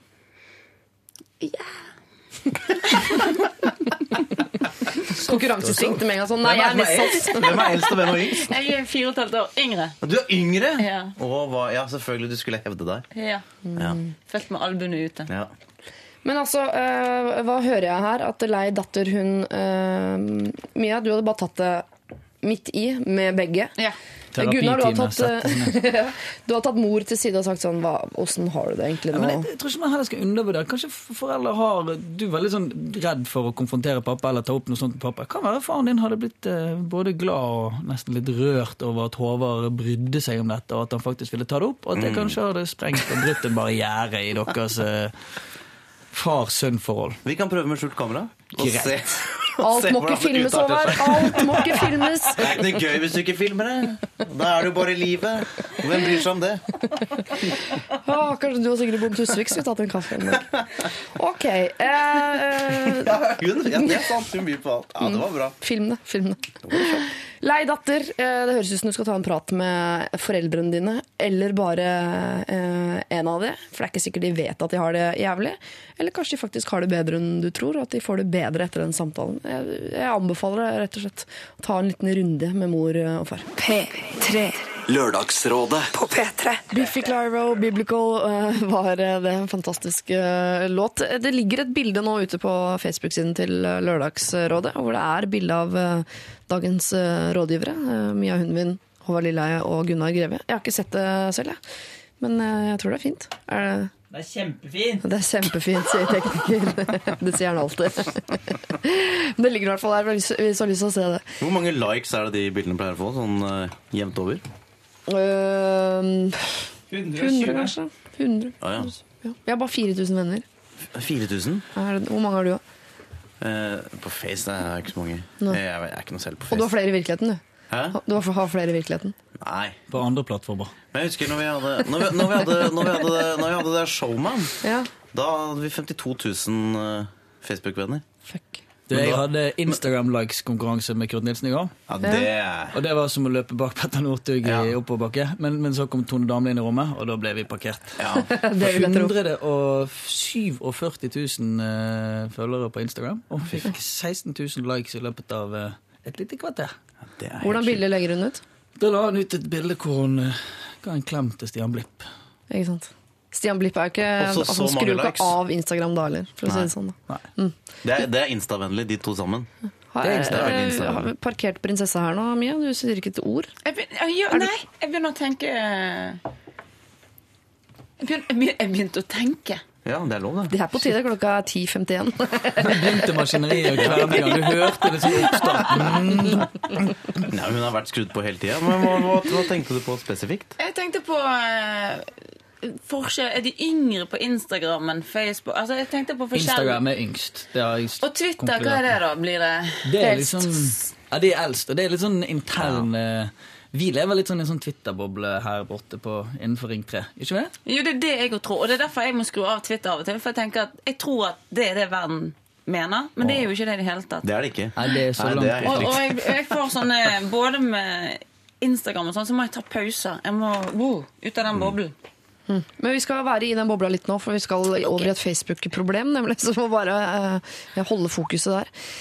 Uh, Dette er ikke det største problemet i verden, men det plager meg likevel. På Facebook ligger det noen gamle bilder av meg uh, som noen venner har lagt ut og tagget meg i. Det er noen bilder jeg ikke syns er så veldig fine av meg, og jeg ville aldri ha lagt dem ut selv. Det er blant annet av meg i pysj, ustelt hår, ingen sminke. Eh, Det er fra en veldig koselig kveld jeg hadde med en venninne. Noen av dem er av bare meg. Et annet eh, er det av en venn og meg, men jeg er usikker på eh, Men jeg er sikker på at hun kunne lagt ut et bilde av seg selv i uten meg der fra den kvelden. Og så kommer det flere eksempler på bilder som er. Poenget er er det sært av meg å spørre eh, de som har lagt ut om å slette det? Eller skal jeg untagge meg sjøl, eller skal jeg bare glemme jeg, eh, hele greia? Jeg vil helst ikke at det skal ligge ute på nettet. Hjertelig hilsen jente 17. Altså Det er ikke noe sånn uh, rumpehullet mitt er på internett eller sånn. Det er, bare, det er bilder av meg på Facebook som ikke er spesielt flatterende. Hva gjør jeg? Det er lov å si fra uansett, har du Ja, ikke det? altså Svaret såre enkelt ja. Selvfølgelig skal du og kan du og bør du si ifra. Hvis ikke du er happy med de bildene som ligger ute. Det første du kan gjøre, er jo å untagge deg sjøl. Det er jo preventivt på et vis. Og så, og så eh, vil jeg uten tvil gå til bedt vedkommende fjerne. Eller så kan du være så lite selvhøytidelig at du tenker Fuck it, det er jo meg. Sånn ser jeg ut av og til. Det hadde du tenkt, tipper jeg. Jo, men sant, Jeg er litt sånn som Jeg har også lyst til å være fin på alle bilder, men så tenker jeg at eh, det er greit. Ja, men hør nå. Ja, ja, unnskyld. Jeg hører ferdig. Så, så jeg har litt den Tommy Tigeren i meg. Sånn, jeg smiler, og så går det for lang tid, så føler jeg Gud, hvor teit jeg er der som står der og smiler. Og så gjør jeg sånn Og så kommer med, Nå har jeg ikke sett det bildet som Jonas la ut på Facebook-siden, men jeg har sikkert et lite sånn der. Og så har jeg tenkt Å, hadde jeg bare holdt det stive, fine smilet. Hodet riktig plassert ned sånn. Ja, det var jo Nå ser jeg på bildet da på Facebook-siden. Se, se på Håvard, ser det ut. Nydelig gjeng. Det var veldig koselig. Men det jeg ville si, er at uh, det Det er ser ut som vi en er på slags hytta. Det ser ut som vi er liksom Ja, unnskyld. Det er trening å ikke bare ha fine bilder av seg sjøl på nettet. Men eh, hvis Mia, hvis du hadde vært 17 år, hadde vært like komfortabel med sånn stygge bilder, fine bilder, ja, ja. Når jeg, var, når jeg, jeg har jo spilt håndball, Og da var det mange Er det der jeg har deg fra? Ja. og da er det veldig mange ikke flatterende bilder. Så det er jo god trening i seg sjøl. Og det stakk som 17-åring når jeg lå rar stilling et eller annet sted eh, i BA, Bergensavisen. Så det var brutalt, men eh, folk glemmer veldig fort. Og folk tenker ikke nødvendigvis 'Å, det var hun der som hadde sånt ansikt i åh, pysj!' Et eller annet. Men jeg er jo inne på noe, for det, dette er jo altså, litt konsekvensen av hvis man skal melde seg på å være sosialt mediemenneske i dag. Så er jo det litt, man, dette er litt sånn være med på leken, smake steken, tenker jeg da. Eh, og, og hvis du er der at du for guds skyld for alt i verden ikke vil ha bilder av deg sjøl ute hvor du ikke ser alt annet enn perfekt ut, vel, da er kanskje ikke Facebook, Twitter og lignende plattformer et sted for deg. Nei, for det er jo noe med at det skal være sånn, eh, utgangspunktet eller sånn reelt og ekte bilde på hvem du er og, og tida og sånn. Hvis det bare ligger fine bilder her, så blir det litt sånn Da, da blir du en rosa blogger, da, på en måte. Jeg blir litt sånn skeptisk. Jeg må ærlig innrømme det. Det er litt sånn Hvis du får en mail eller sitter på kontor og jobber altså, jeg, Før googlet man. Jeg går inn og sjekker Facebook på folk med en gang for å få et ansikt. Og, og hvis det ligger bare sånn photoshoppede bilder i Ja. nydelig profil med trutmunn, og alle ser like glossy fine ut, da blir jeg mye mer skeptisk enn hvis vi får noen sånne Mia Hundmin-ansikt. Et og annet bilde i pysj, liksom. eh, Noe, ja. Men samtidig så er jo vi er jo alle sånne folk som har søkt offentligheten på en eller annen måte. Eh, og andre folk som ikke gjør det, de har jo, de har jo andre grenser, Ja. rett og slett. Og, Nei. Jo. Jo, det er det mange som har! Jo, men det her handler om jeg, jeg har, det har, Du har sønn. Hvis Ja, du ja. får en datter jeg, Og jeg mener egentlig så er gutter utsatt for det her òg. Det er den forbaskede eh, glorete som man tror at sånn er verden. Vi må være fin på alle bilder. Og denne dyrkelsen der, vet du hva, gå fram og så tenke at det der er meget pysj. Eh, og så, da? Samtidig så er det. Men samtidig så er liksom mobbingen den, Det som var på en måte mobbingen i klasserommet eh, når vi var små Dere er mye eldre enn meg, hele gjengen. Men, eh, men eh, når dere var små eh, Den på en måte klassiske den, Mobbingen er jo blitt digital i dag. Jeg har en, en lillesøster som er 14. Merker du at liksom, det er ganske mye lettere å være slem med hverandre på nett enn det var å på en måte være slem med hverandre i guttegarderoben eh, eller i klasserommet. Eller på, fordi at sånn, det, det, det, digitale medier og anonymitet, bilder eh, Teknologien det gjør jo det rett og slett veldig mye enklere å være slem, og det gjør det veldig mye enklere å, eller vanskeligere å være litt skjør og sårbar, kanskje. Ja, for Du trenger ikke å stå i det. Litt som å ringe på og stikke av mobbe i dag. Du trenger egentlig ikke å, å stå der når det skjer. Du bare trykker på enter eller what the fuck, et eller annet, mm. Og så er det gjort. Men er, er, er søstera di utsatt for mye kjipe ting? Nei, det, men, men jeg har på en måte fått litt inn, innsyn, Ja. innsikt i det. Eh, for lillesøster på 14 jeg har jo hagladet, liksom. Sånn at det er greit å følge litt med. Og Facebook er jo sånn sett et fantastisk Ja, medie. jeg gruer meg til mine unger er det. Ja, men Du ser jo liksom at det er Og du merker liksom at det er ehm, Facebook og, og, og Instagram og de stedene der at de faktisk på en måte mobber hverandre eller, eller er stygge med hverandre. Um, Men, eh, men tenk da hvis de, disse unge ser foreldrene sine på Facebook, hvor de også alltid er helt perfekt, og ser ung, smedden ut. Du er 37 eller 40, eller hva du er. Altså, du tenker jeg jeg må være like fin som min mor.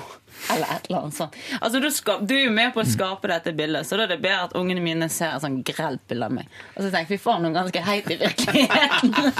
og du er ikke så stygg som det Ja, der. mora mi, mora mi. men de nachspiel-bildene er jo greie å, å få bort før ungene Så det, det, det, det, det det, Men skal mange fasetter, jente 17 være så eh, Skal hun være så smart at hun tenker en eller annen dag får jeg barn, og da er det riktig at mor har gått fram et, uh, som et godt eksempel og vært litt stygg på bilder?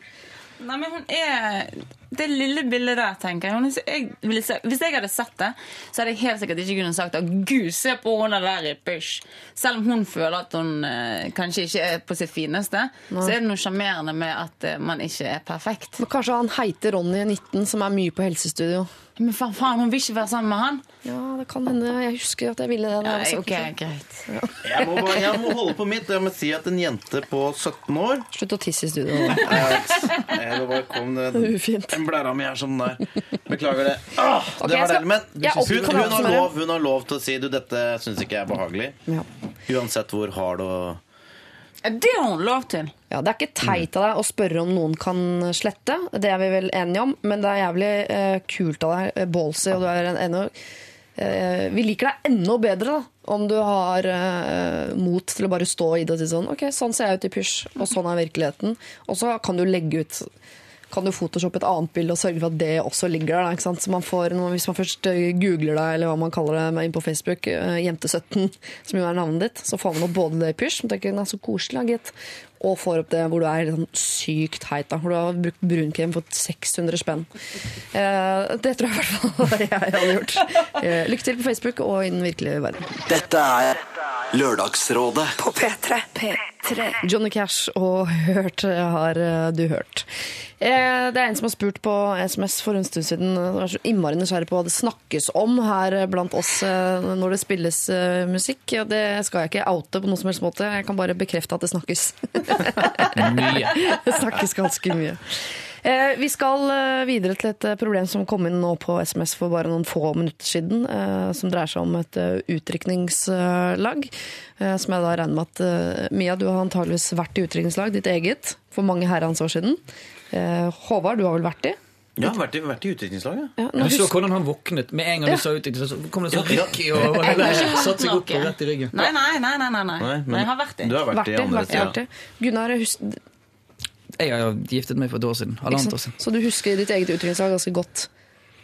Deler av det, iallfall. Den første delen husker jeg ganske godt.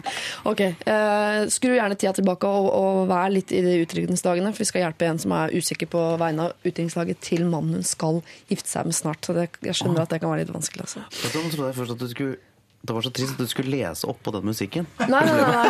nei, nei, nei. Det gjør Susanne Sundfør så mye bedre enn meg. Dette er Lørdagsrådet På P3. P3 Røyksopp og Susanne Sundfør, 'Running to the Sea'. Hei, godtfolk, er det en som har sendt ut på SMS. Godtfolk i dag er uh, Mia Undvin, Håvard Lilleheie og Gunnar uh, Greve. Jeg har akkurat sendt av gårde min forlovede i en isbil på utdrikningslag. Det, eh, det å få det til krevde at min kjære ble lurt trill rundt. Noe jeg har vært med på. Hans forlover ringte meg akkurat nå for å bekrefte at planen gikk i orden, og det siste han sier er Ja, det er alt du skal få vite om denne kvelden noensinne, før han ler grotesk. Og da lurer jeg på har man rett til å få vite hva hverandres utdrikningslag har gått ut på? Jeg stoler jo på min sære, men jeg syns likevel det er eh, unaturlig om vi, som snakker om alt, plutselig skal unnlate å fortelle hverandre om en sånn dag. Eh, Noen av dagens rådgivere er jo gift, eh, og hun heier på at lokføreren snart får ut fingeren og frir til Siri. Dette står i parentes, men jeg velger å lese høyt. Hva gjorde dere etter deres utdrikningslag? Hilsen forvirret 25-åring. Altså, eh, hun ber A om eh, litt historier fra deres utdrikningslag, men også noen råd til har jeg, Kan jeg få vite hva mannen min driver med? Jeg er veldig spent over Lilleheie på hvordan du som mannemann nummer én i Norge Guttemann. ble drukket ut. Guttemann ble Ja. drukket ut. Det var Tullemann. Ja, det, er, det er mer tullemann enn mannemann. Tullemann. Jeg er sånn mannemann på tull. Men jeg ser for meg at det liksom inngår et ganske heftig budsjett liksom, i dette utdrikningslaget her. Det var mange mann i sving og et stort Og en og en dame en stor, i sving. Ja, nei, men La meg fortelle. Det er jo, det, dette er jævla dette er, Det var drithyggelig for meg. Dritkjedelig å fortelle om. Uh, først opp et eh, helikopter. Ja. Uh, som fløy. det er veldig klassisk, men uh, det likte jeg faktisk. Selv. For det var sånn klassisk ryddig utviklingssted. Uh, fløy over, over Drammen by. Landa på Austad gård. Der var gutta. Eh, så ble det litt, husker jeg ikke helt, vi kjørte litt rundt, eh, og så var vi Oi, oi, oi. Men så, men så var det noe Så var det noe grilling og noe vannski, var det det? Jeg husker jeg ble full, og jeg var jo på noe Ehm, Men det som var det fine, var at, for at eh, jeg er jo, jeg er jo glad i Strømsgodset. Ja. Og så hadde det tror jeg, vært noe kampflytting, så det var kamp den dagen. Så de hadde ordna sånn på kort eh, varsel da, med klubben at hele utviklingslaget fikk komme inn og se altså de, Alle de så Strømsgodset slå Lillestrøm sammen med meg. Og det var på en måte den beste gaven jeg kunne fått. Ja. At, uh, at, at vi, vi, vi delte den opplevelsen. Det var veldig sterkt for meg. Og så slutta det hele greiene slutta bare med sånn fyll oppi på gårdsplassen til Espen Andersen oppe i Solbergelva. Inne i garasjen der. Ja. Det var noe øl under kjøleskapet, noe sprit og noe mat. Eh, og det, det var bare veldig sånn Det var bare veldig sånn neppe og trivelig. Jeg husker Hva var det? Var en eller annen sjuk diskusjon. Nå som vet, er det, nå vet jeg ikke helt hva det er vi har satt Om i gang. noe sånn Nei, sex. er Jeg vet ikke hvor Hvor mye penger la vi på det der? Jeg er eh, glad jeg drakk masse kaffe. Jeg klarer Og kjedelig. Men hvor stripper han? Men var det noe du ikke kunne fortelle til eh, da, eh, kona di etterkant fra den kvelden? Nei. Nei. Nei. Du vet, Det var en eller annen gøy diskusjon som jeg har glemt. Skal, hvis jeg kommer på den, så skal jeg si den. For det er en artig diskusjon. Jeg bare husker ikke detaljene. vet du hva jeg gjør med min samboer hver gang jeg skal begynne å fortelle? Så setter jeg en sånn Tenk at du sitter i Graham Nortons røde stol, Oh, ja. Og så og så må du Jeg levere. hadde forsvunnet for lengst. Men, uh, men spørsmålet kom jo, da. Så jeg måtte Hva skulle Jo, jeg si? jo, Skulle jo, jeg ljugd? Nei da. Nei, Nei da. jeg synes det var fint, men Etter Strømskosett så kunne du gått over til Gunnar. Ja, Gunnar. Yeah. Eh, Ja, men det er helt fair. Du, det var en lang helg. Jeg begynte Fredagen så var jeg eh, 30 år, og så hadde min eh, nydelige da vordende kone eh, stelt i stand overraskelsesfest på Jeger på grensen. Hvor det var en hel haug med gode kompiser fra Bergen og dårlige kompiser fra Bergen. Masse kjendiser. Mm, Nei, det var ganske masse lokalkjendiser fra de syv, mellom de syv fjerde, kanskje. Eh, og så ble jeg førstemann som ble sendt hjem, for jeg ble så full. Jegermeister. Og så eh, våknet dagen etterpå, og da var det ti karer i leiligheten før jeg hadde kommet ut av dusjen. Og vips, så var jeg på utdrikningslag. En mørk, mørk, mørk busstur til uh, Drammen. Med uh, oi, oi, oi. Uh, en strippebuss. Min kone hadde sagt hun ville ikke at vi skulle dra på strippeklubb, så tre karer fra Bergen leide en strippebuss. som kjørtes til Drammen, hvor vi skjøt paintball. Ja, på i- stripperne? På, eh, på, på hverandre. Eh, Hvorpå vi returnerer til Nå begynner det å bli tåkete. Eh, vi- hvorpå vi returnerer til byen. Altså det var, denne bussen det var så mørkt. Altså, hun var, eh, den var turnébuss for Plumbo eh, i helgene. Og så var det en strippebuss. Sjave ble Så vi de har ikke gjort rent etterpå, så dere kan komme inn i Nei, vi, fikk, vi, fikk, vi fikk et nydelig bilde av Sjave i For dette var rett etter Plumbo og Mokkamann og alt dette her. Så vi fikk et nydelig bilde av Sjave i som Plumbo-jakke, som sjåføren på denne strippebussen hadde.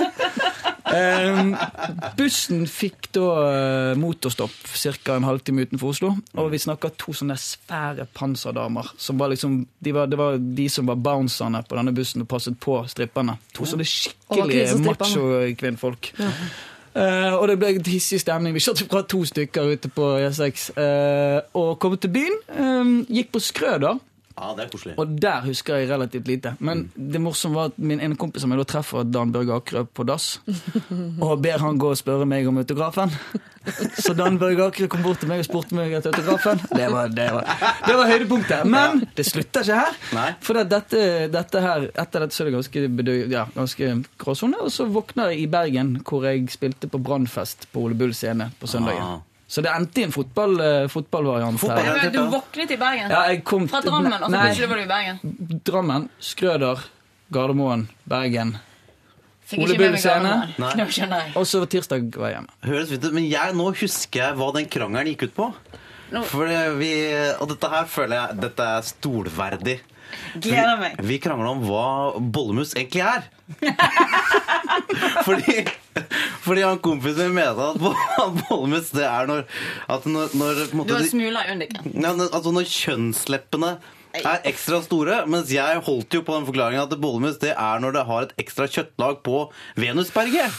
Enig med deg. Sånn at, og den krangelen gikk høyt, og den gikk så høyt at han, han, ringte kona si for å, for å få liksom sin, sin Så det var en bollemuskrangel som på en eller annen måte Utartet seg. Ja, som var, Hva er egentlig bollemuskrangelen? Var, det var sterkt, og det var fint. Det er veldig godt, det er kanskje det beste minnet fra utdrikningslaget mitt. Men det er jeg som har rett. Det er jo, det er jo når det er et ekstra kjøttlag på Venusberget, ikke sant? Ja, jeg er enig med deg. Ja, takk. Da Børge det spurte meg om autografen. Nei, jeg spurte om. Venusberget. Ok, fine historier. Forvirret 25-åring lurer på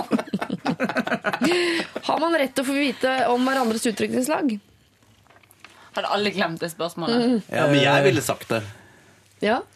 Eller, det, for det var kompisen som sa Haha, dette får du aldri høre om. Ja, ja, Det var jo ikke ja. han. Men er det Men liksom det er sånn som kompiser sier. Jeg har ikke vært på veldig mange utdrikningslag. Mitt eget og et par andre. Men, men det skjer jo ikke så mye skummelt. Men Det er masse gutter som drikker seg Eller jenter når de har utdrikningslag, som drikker seg full, og så er det en stripper. Og så drar man hjem, og så gifter man seg lykkelig og lever til God, Det fins jo noen dager. sånne drittsekkamerater der som skal prøve å liksom fucke opp litt på, rett før de skal gifte seg. Sånn, nå skal vi fucke opp litt. Og som prøver å uh, Få han til å ligge med andre. Ja, et eller annet. ikke sant? Nå Det er du- er sikkert gå cirka gærent i ganske mange utdrikningslag, vil jeg tro. Jeg føler litt at det er, For det har litt med alder å gjøre. At Før så gifta jo folk seg ofte veldig unge. Ja. Eh, og da var jo Ja, de- mye kroppsspråk Ja. med hun og lille ei her. Ja, de var de, Hva skal jeg si? De Jeg hører ikke dette på radio. Håvard. Nei, jeg vet, men det, så det kommer jo helt verbalt, bare jeg gestikulerer. Det, og dette her er jo helt uforståelig for seerne, hva, som, hva vi driver med. Jeg bare gjorde en litt feil gestikulering For, seerne. at de er unge. For seerne. For web, webkameraseerne. Eh, men da, når, når, når, hvis en gutt i begynnelsen av 20-åra gifter seg Hva ville Graham Norton gjort nå? Nei, for da kommer jo alle gutta og barberer balla og kjører på. Nå må jeg være ekstra grov for at Graham ikke skal ditche meg. Kom ballebarbering inn i bildet. Jo, men det, jeg sier det er sånn Når folk i begynnelsen av 20 år gutter i begynnelsen av 20-åra arrangerer utdrikningslag, da blir det innmari drøyt. Men når de gifter, man gifter seg i 30-åra, så blir det mer eh, ryddig. Så uh, det eneste Det var ikke så rart sagt, Nei det. da. Nei, da. Eh, Jeg bare, eh, programleder og tekniker, produsent, bare logget av. Så vi er liksom bare, vi har gitt opp nå. Jeg skal prøve å gjøre om dette til et råd til forvirret 25-åring. Eh, Det beste er å vente med å gifte seg til du er um, i 30-åra. I hvert fall han er i 30-åra. Til han er i 30-åra. Men eh, ja, du kan få lov til å vite hva som skjer på utdrikningslaget. Eh, det syns jeg du har eh, krav på. For hvis det er noe der du ikke skal vite, så får du ikke vite uansett. Mest sannsynlig ligger det på Facebook. Ja. Eller ring strippeforeningen og hør hvor er det folk i kveld. Og det, ja. det, er lov, og det er lov å være nervøs og mistenksom og i det hele tatt, men du skal fortsatt snart gifte deg med mannen i ditt liv, så ta det helt med ro. Lørdagsrådet med Siri Kristiansen. På P3. P3. The Arcade Fire og No Cars uh, Go før The Kid Stray, The Best of Us. God lørdag! Jeg har den siste tiden blitt veldig betatt av en jeg møtte gjennom jobb. Han er en utrolig kjekk mann. Problemet er at jeg er 24 år, han er 42. Fins det en grense når det kommer til aldersforskjell? Om jeg velger å overse aldersforskjellen og de utfordringene forholdet kan stå over, er jeg dessverre veldig opptatt av hva familie, venner og andre eh, som finner det passende eh, å bry seg. Hilsen en som bryr seg om hva andre tenker. Altså to problemer her. Aldersforskjell. Det andre er eh, om vi sier at det drit i det, så gjør hun ikke det, for hun er opptatt av hva de rundt også mener. Så da kan vi begynne. Hva vi er rundt, hva mener vi? Er det noen grense? 24-42, det er eh, det, er- det er et stykke, altså. Ja. 24-34, ja, det er nesten 20 år. 18 år. Altså, kanskje, når du er forelsket, så Nei, det er jo ikke et problem. Alders, eh, kjærligheten finner har ingen alder. Bla, bla, bla, bla, bla, bla, bla. Men det vil bli et problem. Ja, for han blir jo gammel. Når da? Hva da? Nei, så vil hun Nei, hun er ikke så jævla gammel heller, men men blir jo gammel Og så blir man for bli barn, og så skal han Så må du regne ut hvor gammel er han da når ungen er Det, det kan være et problem. Du har færre referanser. Eh, Det er vanskelig. Altså, jeg synes liksom Hadde hun vært 28, så hadde jeg tenkt ja, ja, hun er voksen. Eh, 24, da skal du være rimelig sikker på han fyren. Altså. Ja. Jeg skulle gjerne likt å, vite mer om han. Hva slags fyr utrolig kjekk. Ja, han er handsome. Det er en god start. Ja. uh, det er alltid hyggelig med en looker. Ja. Uh, Og de jobber men, med det har, samme. men har han unger? Har han hatt familie? Ja. Eller har han bare eller har han ligget rundt fram til nå? Det er mye en barnløs, kjekk mann på 42 er også utrolig mistenksomt.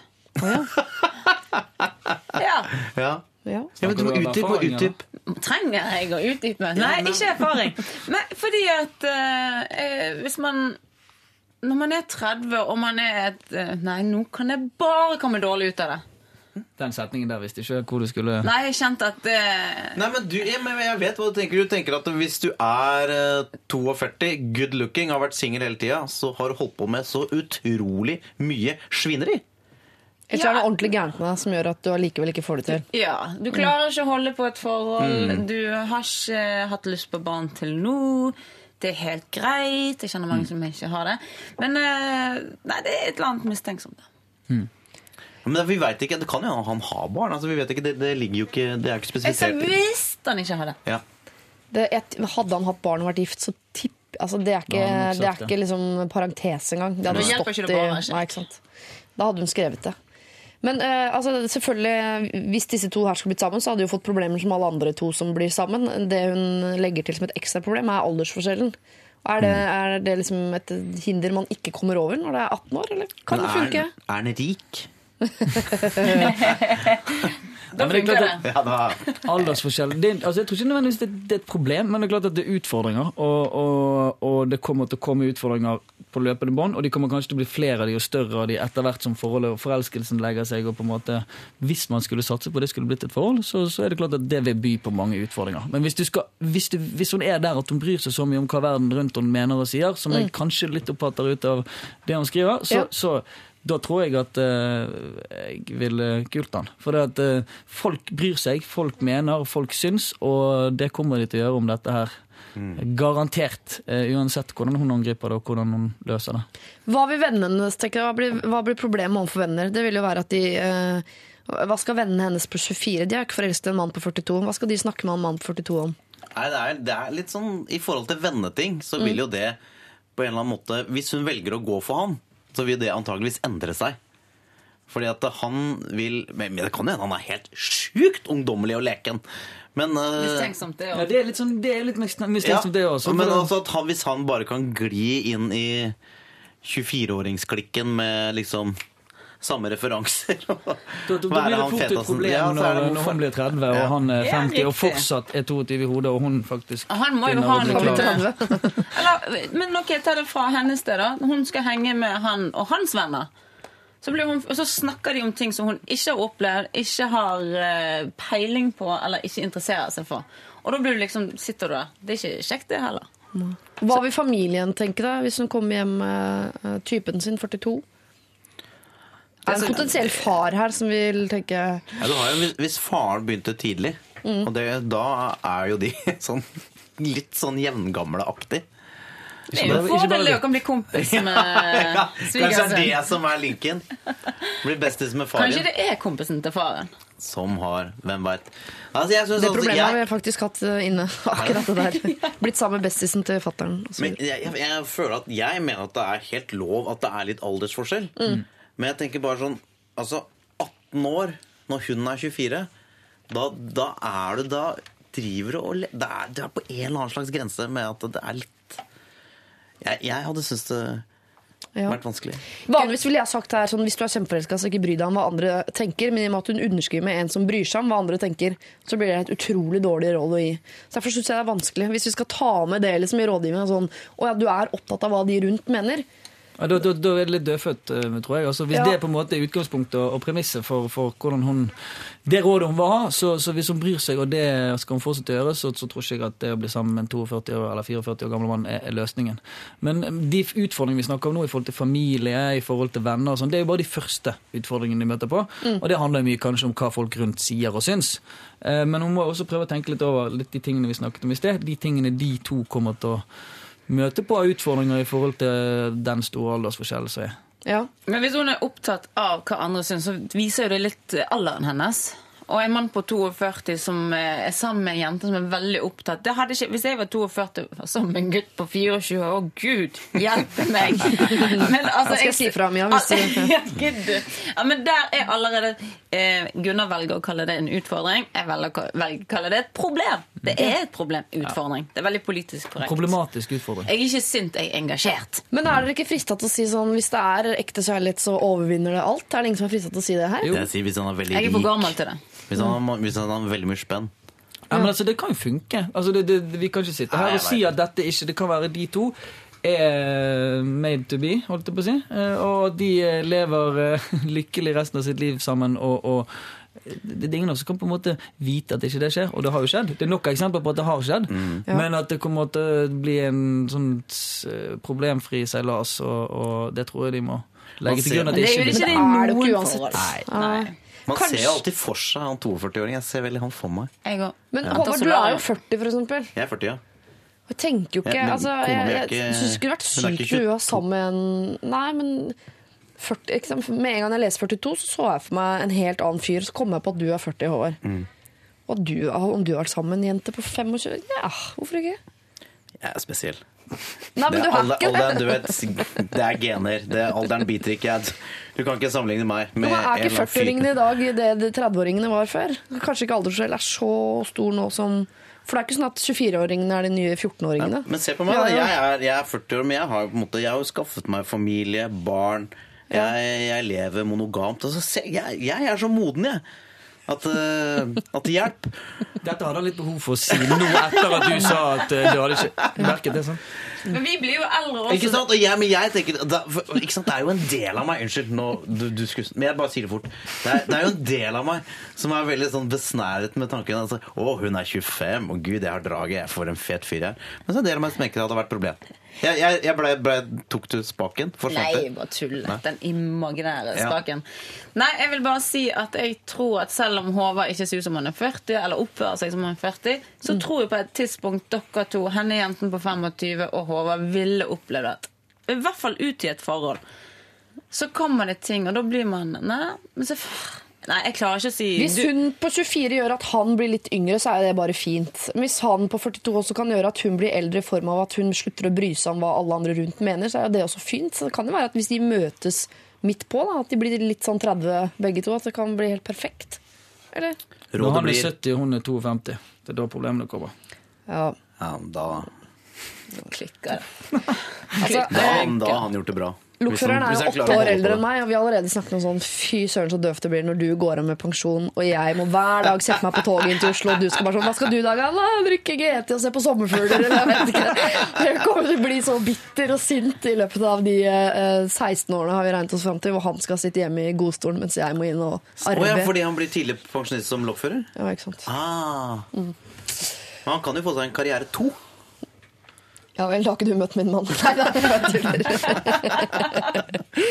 Du, kjære deg, du bryr deg om hva andre tenker, og det, det tror jeg faktisk de fleste gjør, også de som sier at ikke de gjør det. Og det kan godt være at familien din vil reagere på at han er 42, vennene dine vil kunne reagere på at han er 42, vi reagerer på at han er 42. Men hvis du er skikkelig forelska i han, og dere kan, eh, så finner jo dere ut av det sammen. Problemer er det uansett. Og hvis du liker han utrolig godt, så må du også tenke at Det kommer venner og familie også til å gjøre. Men de må bare venne seg til det på en eller annen måte. Jeg ønsker deg lykke til. Jeg. Herregud, Siri. Takk. Så flink. Jeg liker bare å høre på deg når du snakker. P3. Dette er Lørdagsrådet med Siri Kristiansen. Margaret Berger, I feed you my love, fikk vi eh, der. Og og vi har tid til ett problem til i eh, Lørdagsrådet i dag. Mia, hunden min, har krampe. Hva skjer? Hva skjer? Håvard har satt ut Mia, hunden min. Fikk du med Du, deg Gud og Greve? Du den eneste som er til stede her Jeg drikker så mye kaffe, så jeg må på toalettet hele tiden i pausene. Men det klart, hver gang jeg kommer inn, så får jeg bare med meg slutten av historien. Og jeg har eh, Jeg skal ikke si jeg har mistet respekt, men jeg er litt skremt over mine to medkollegaer. Nei, det er på en god måte. Ja, for jeg, også, jeg bare logga ut litt og holdt på med noe SMS-greier borti hjørnet her. Og idet jeg logga meg på igjen, så hørte jeg blåkrem mot kjønns... er det ikke lov å si? Nei. Nei blåkrem var det jeg hørte da. Blåkrem? Hysj! Og så vi må forte oss, vi skal ikke ha det problemet. Vi er til for lytterne. Ja. Du, eh, Kaffe har samme påvirkning som vin på meg. Bare så det er sagt. Ja. Alt jeg har sagt i dag, kan man ikke bruke til noe. Nei, Det er ingen som kommer til å si noe. Vi skal bruke det til podkast. Jeg er en mann på 30 år. Um, Singel, stort sett. Som blir mer og mer sikker på at jeg ikke vil ha egne barn noen gang. All den tid, energi og penger som barn koster, har jeg mer lyst til å bruke på meg selv. Jeg er glad i å reise, feste, bruke penger på andre hobbyer. Jeg har noen kompiser som heller ikke vil ha barn, men det store flertallet av vennene mine har kjæreste, samboer, og det virker som om det eh, ikke er helt akseptert, det synet på at man ikke vil ha barn. De sier sånn som ja ja, bare vent til du treffer den rette, da endrer du nok mening. Har de rett? Er jeg rett og slett ikke voksen nok? Går det an å finne en jente som eh, heller ikke vil ha barn? De fleste, eller eh, i hvert fall mange, gir jo uansett uttrykk for eh, at det er pes med barn. Lite søvn, bleier, generelt mas. Kan nevnes at jeg har vært i et par langvarige forhold der jeg kanskje så for meg barn etter hvert, men har vært singel de siste tre årene, og som sagt så ble jeg mer og mer sikker på at jeg ikke vil ha. Hvorfor aksepterer ikke samfunnet det? Hvorfor forventes det at alle skal passe inn i SV-Norge med barn, rekkehus osv.? Jeg har forresten fire onkelunger i alderen 8 til 11, så jeg har litt erfaring med småbarn. Nok erfaring i hvert fall til å ikke ha lyst på egne.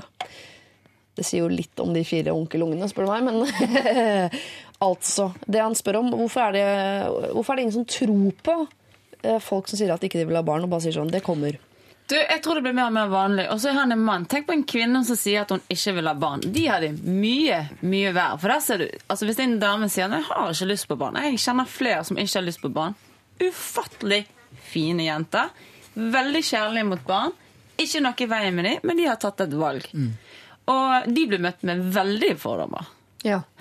Hvorfor? Fordi at det er bare en forventning at man skal ha hele pakken. og men jeg tror vi vil jo røske litt i den pakken. Jeg tror det begynner å bli det er litt som du sier, det begynner å bli mer og mer vanlig. Og så tror jeg kanskje også det er litt sånn i en, i en krets og i, i, i på en måte den delen av samfunnet vi lever og beveger oss i, så er det i storbyer, i urbane miljøer, så er det kanskje mer akseptert og vanlig at man velger kanskje yrkeskarriere, kanskje har en del sånne prioriteringer som gjør at man ikke vil ha barn.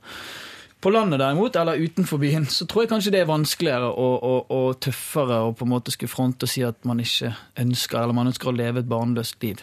Når det er sagt, så er det som Altså, du kan på en måte ikke Du får ikke lov til å si dette her før du har skjønt hva det innebærer, og hva, hvor mye det gir å ha barn. Og jeg tror det er mange som har tenkt denne tanken, Ja. eh, som er lykkelige foreldre i dag. Ja, men samtidig så er det jo det er en helt ærlig og ryddig greie å si ah, jeg gidder ikke ha unger. Jeg vil dyrke meg sjøl. Altså, hvis han syns at det er den digge, behagelige måten han vil leve livet sitt på, du, så er jo det helt fair. Det Fins det damer som, som kan bli med han på et liv uten unger? Ja, Ja. mange. Og jeg vet du hva, det er veldig lite Man må si sånn Å, gud, så egoistisk han er. Det er enda mer egoistisk å få Det der å få barn er jo Når du velger å få barn og ikke bli overrasket, sånn som meg, så, så gjør du det av egen grunn. Det er jo fordi at du skal ha dette trumfkortet, eller Og jeg tenker ikke sånn. Jeg ser for meg som sånn den eh, heterofile kjernefamilien som limet i samfunnet, og det limet vil jeg være en del av. Ja, men det er jo fordi at du vil være en del Ja, det, det var jo fordi du ville personlig ha det. samfunnets del at det er viktig at vi oppdrar barn i kjernefamilien for at samfunnet skal utvikle seg bra videre.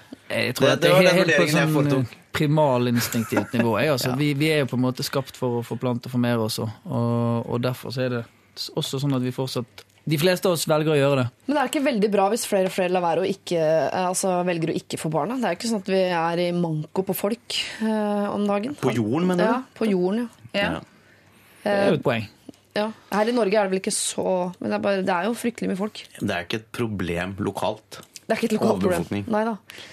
Men hvordan skal han få Jeg tror det som må være irriterende, er at det er ingen når du sier 'jeg har ikke lyst på barn', så er det ingen som tror deg. Og veldig ofte er- så er det folk som sier det, som faktisk også endrer mening etter hvert. Det er jo derfor man fortsetter å si det, for de fleste endrer mening etter hvert når de finner den rette og blir eldre. i det hele tatt. Men det er jo noen som ikke har lyst på. Hvordan skal man få liksom Mann 30, for eksempel, da. hvordan skal man få de rundt og tro på det, istedenfor å slutte, å slutte å si sånn ja, Kanskje det ja. fins klubber? ja. Men nå er jo alle disse undersøkelser som viser at pan, eh, pan, barnløse par er mye lykkeligere enn de med barn. Og det er jo helt fantastisk umulig å sammenligne. Fordi ja, Du er trøtt, du er sliten, og så får du det ene lille øyeblikket med det trollet av en unge, som er helt fantastisk, og så veier det over alt annet.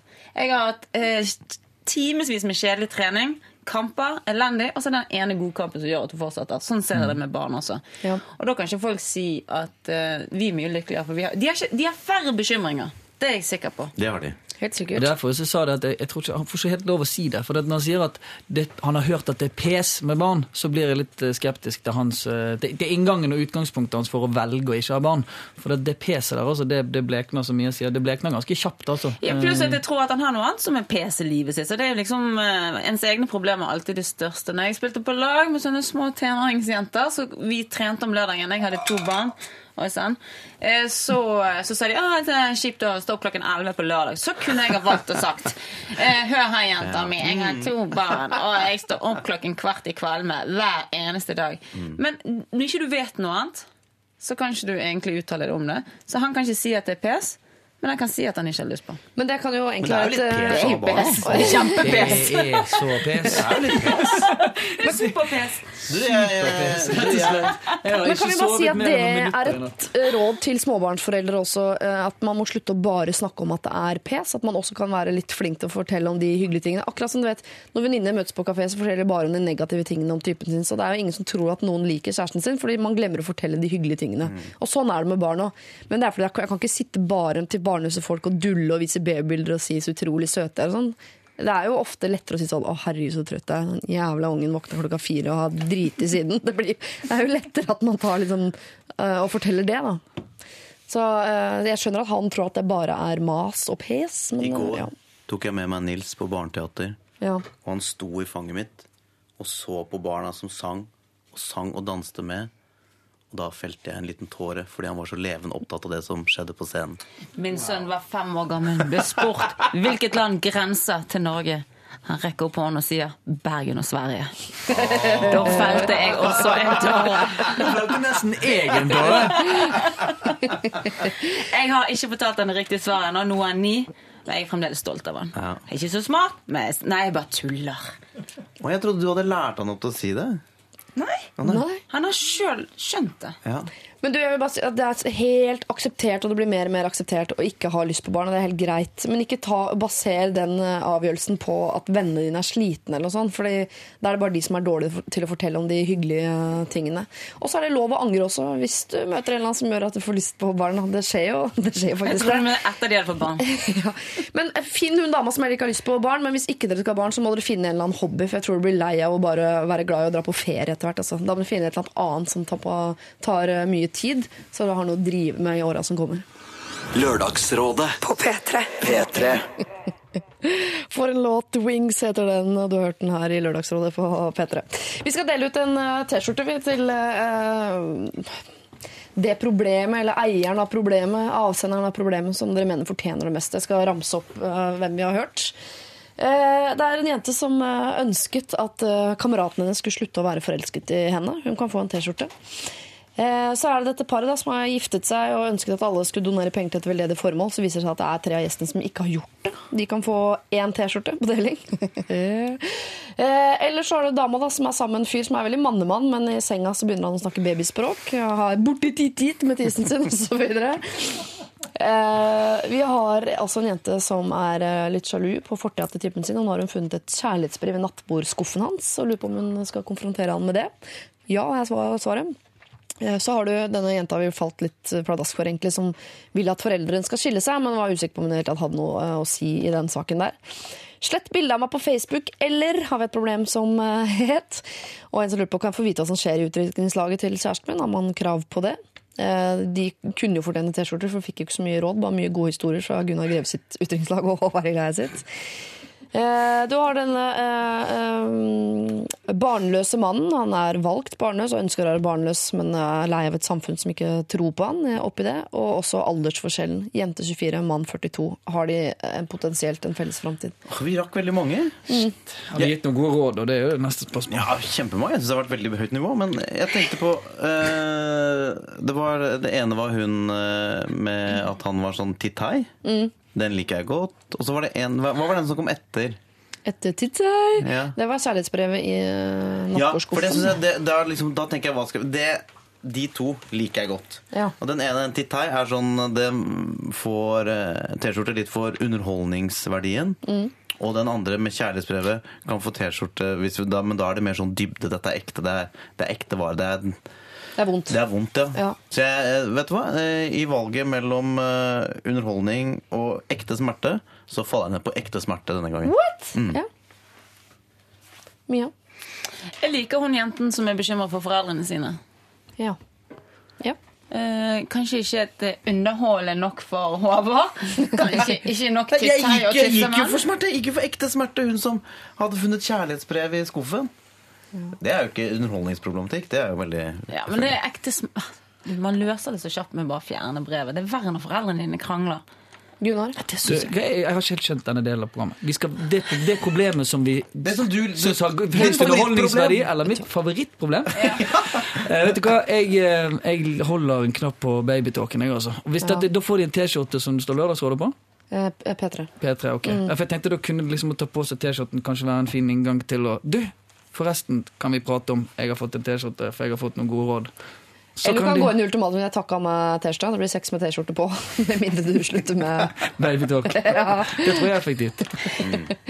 Du er nedstemt, eh, Mia. Nei, men det har man seg ikke eh, Nei, jeg, nei, jeg var jo på et annet program. Jeg var jo på det der med ja, men det er kun ett problem som har blitt nevnt to ganger nå. Ja, ok, ja, men da, jeg, jeg kan slenge meg på den. så Det er baby babytalk. Ja. Da ble det underholdningen som seiret nok likes har vi fått på bildet? Nå? Nå, til, nå har du skapt deg sjøl et problem. Nå får du kun tissemann til seks spørsmål. Eh, lykke til med det. Tusen takk for det. tusen takk. Det skal vi nok eh, klare eh, i framtida som kommer. Mm. Du, det blir T-skjorte til eh, stakkars deg som har en eh, mann snakker babyspråk i, eh, i senga. Eh, 84 Neste likes. lørdag så kommer Hilde Hummelvold, Torbjørn Røe Isaksen og Einar Tørnquist tilbake til Lørdagsrådet. Det blir gøy. Mm. Enn så lenge så kan du kose deg med det programmet her om igjen så mye du vil. eh, Da som podkast. Det er gratis. og så gå inn på Facebook da og se på bildet av oss. Det er et veldig fint bilde. Vi ses som en gjeng. Lørdagsrådet På P3. P3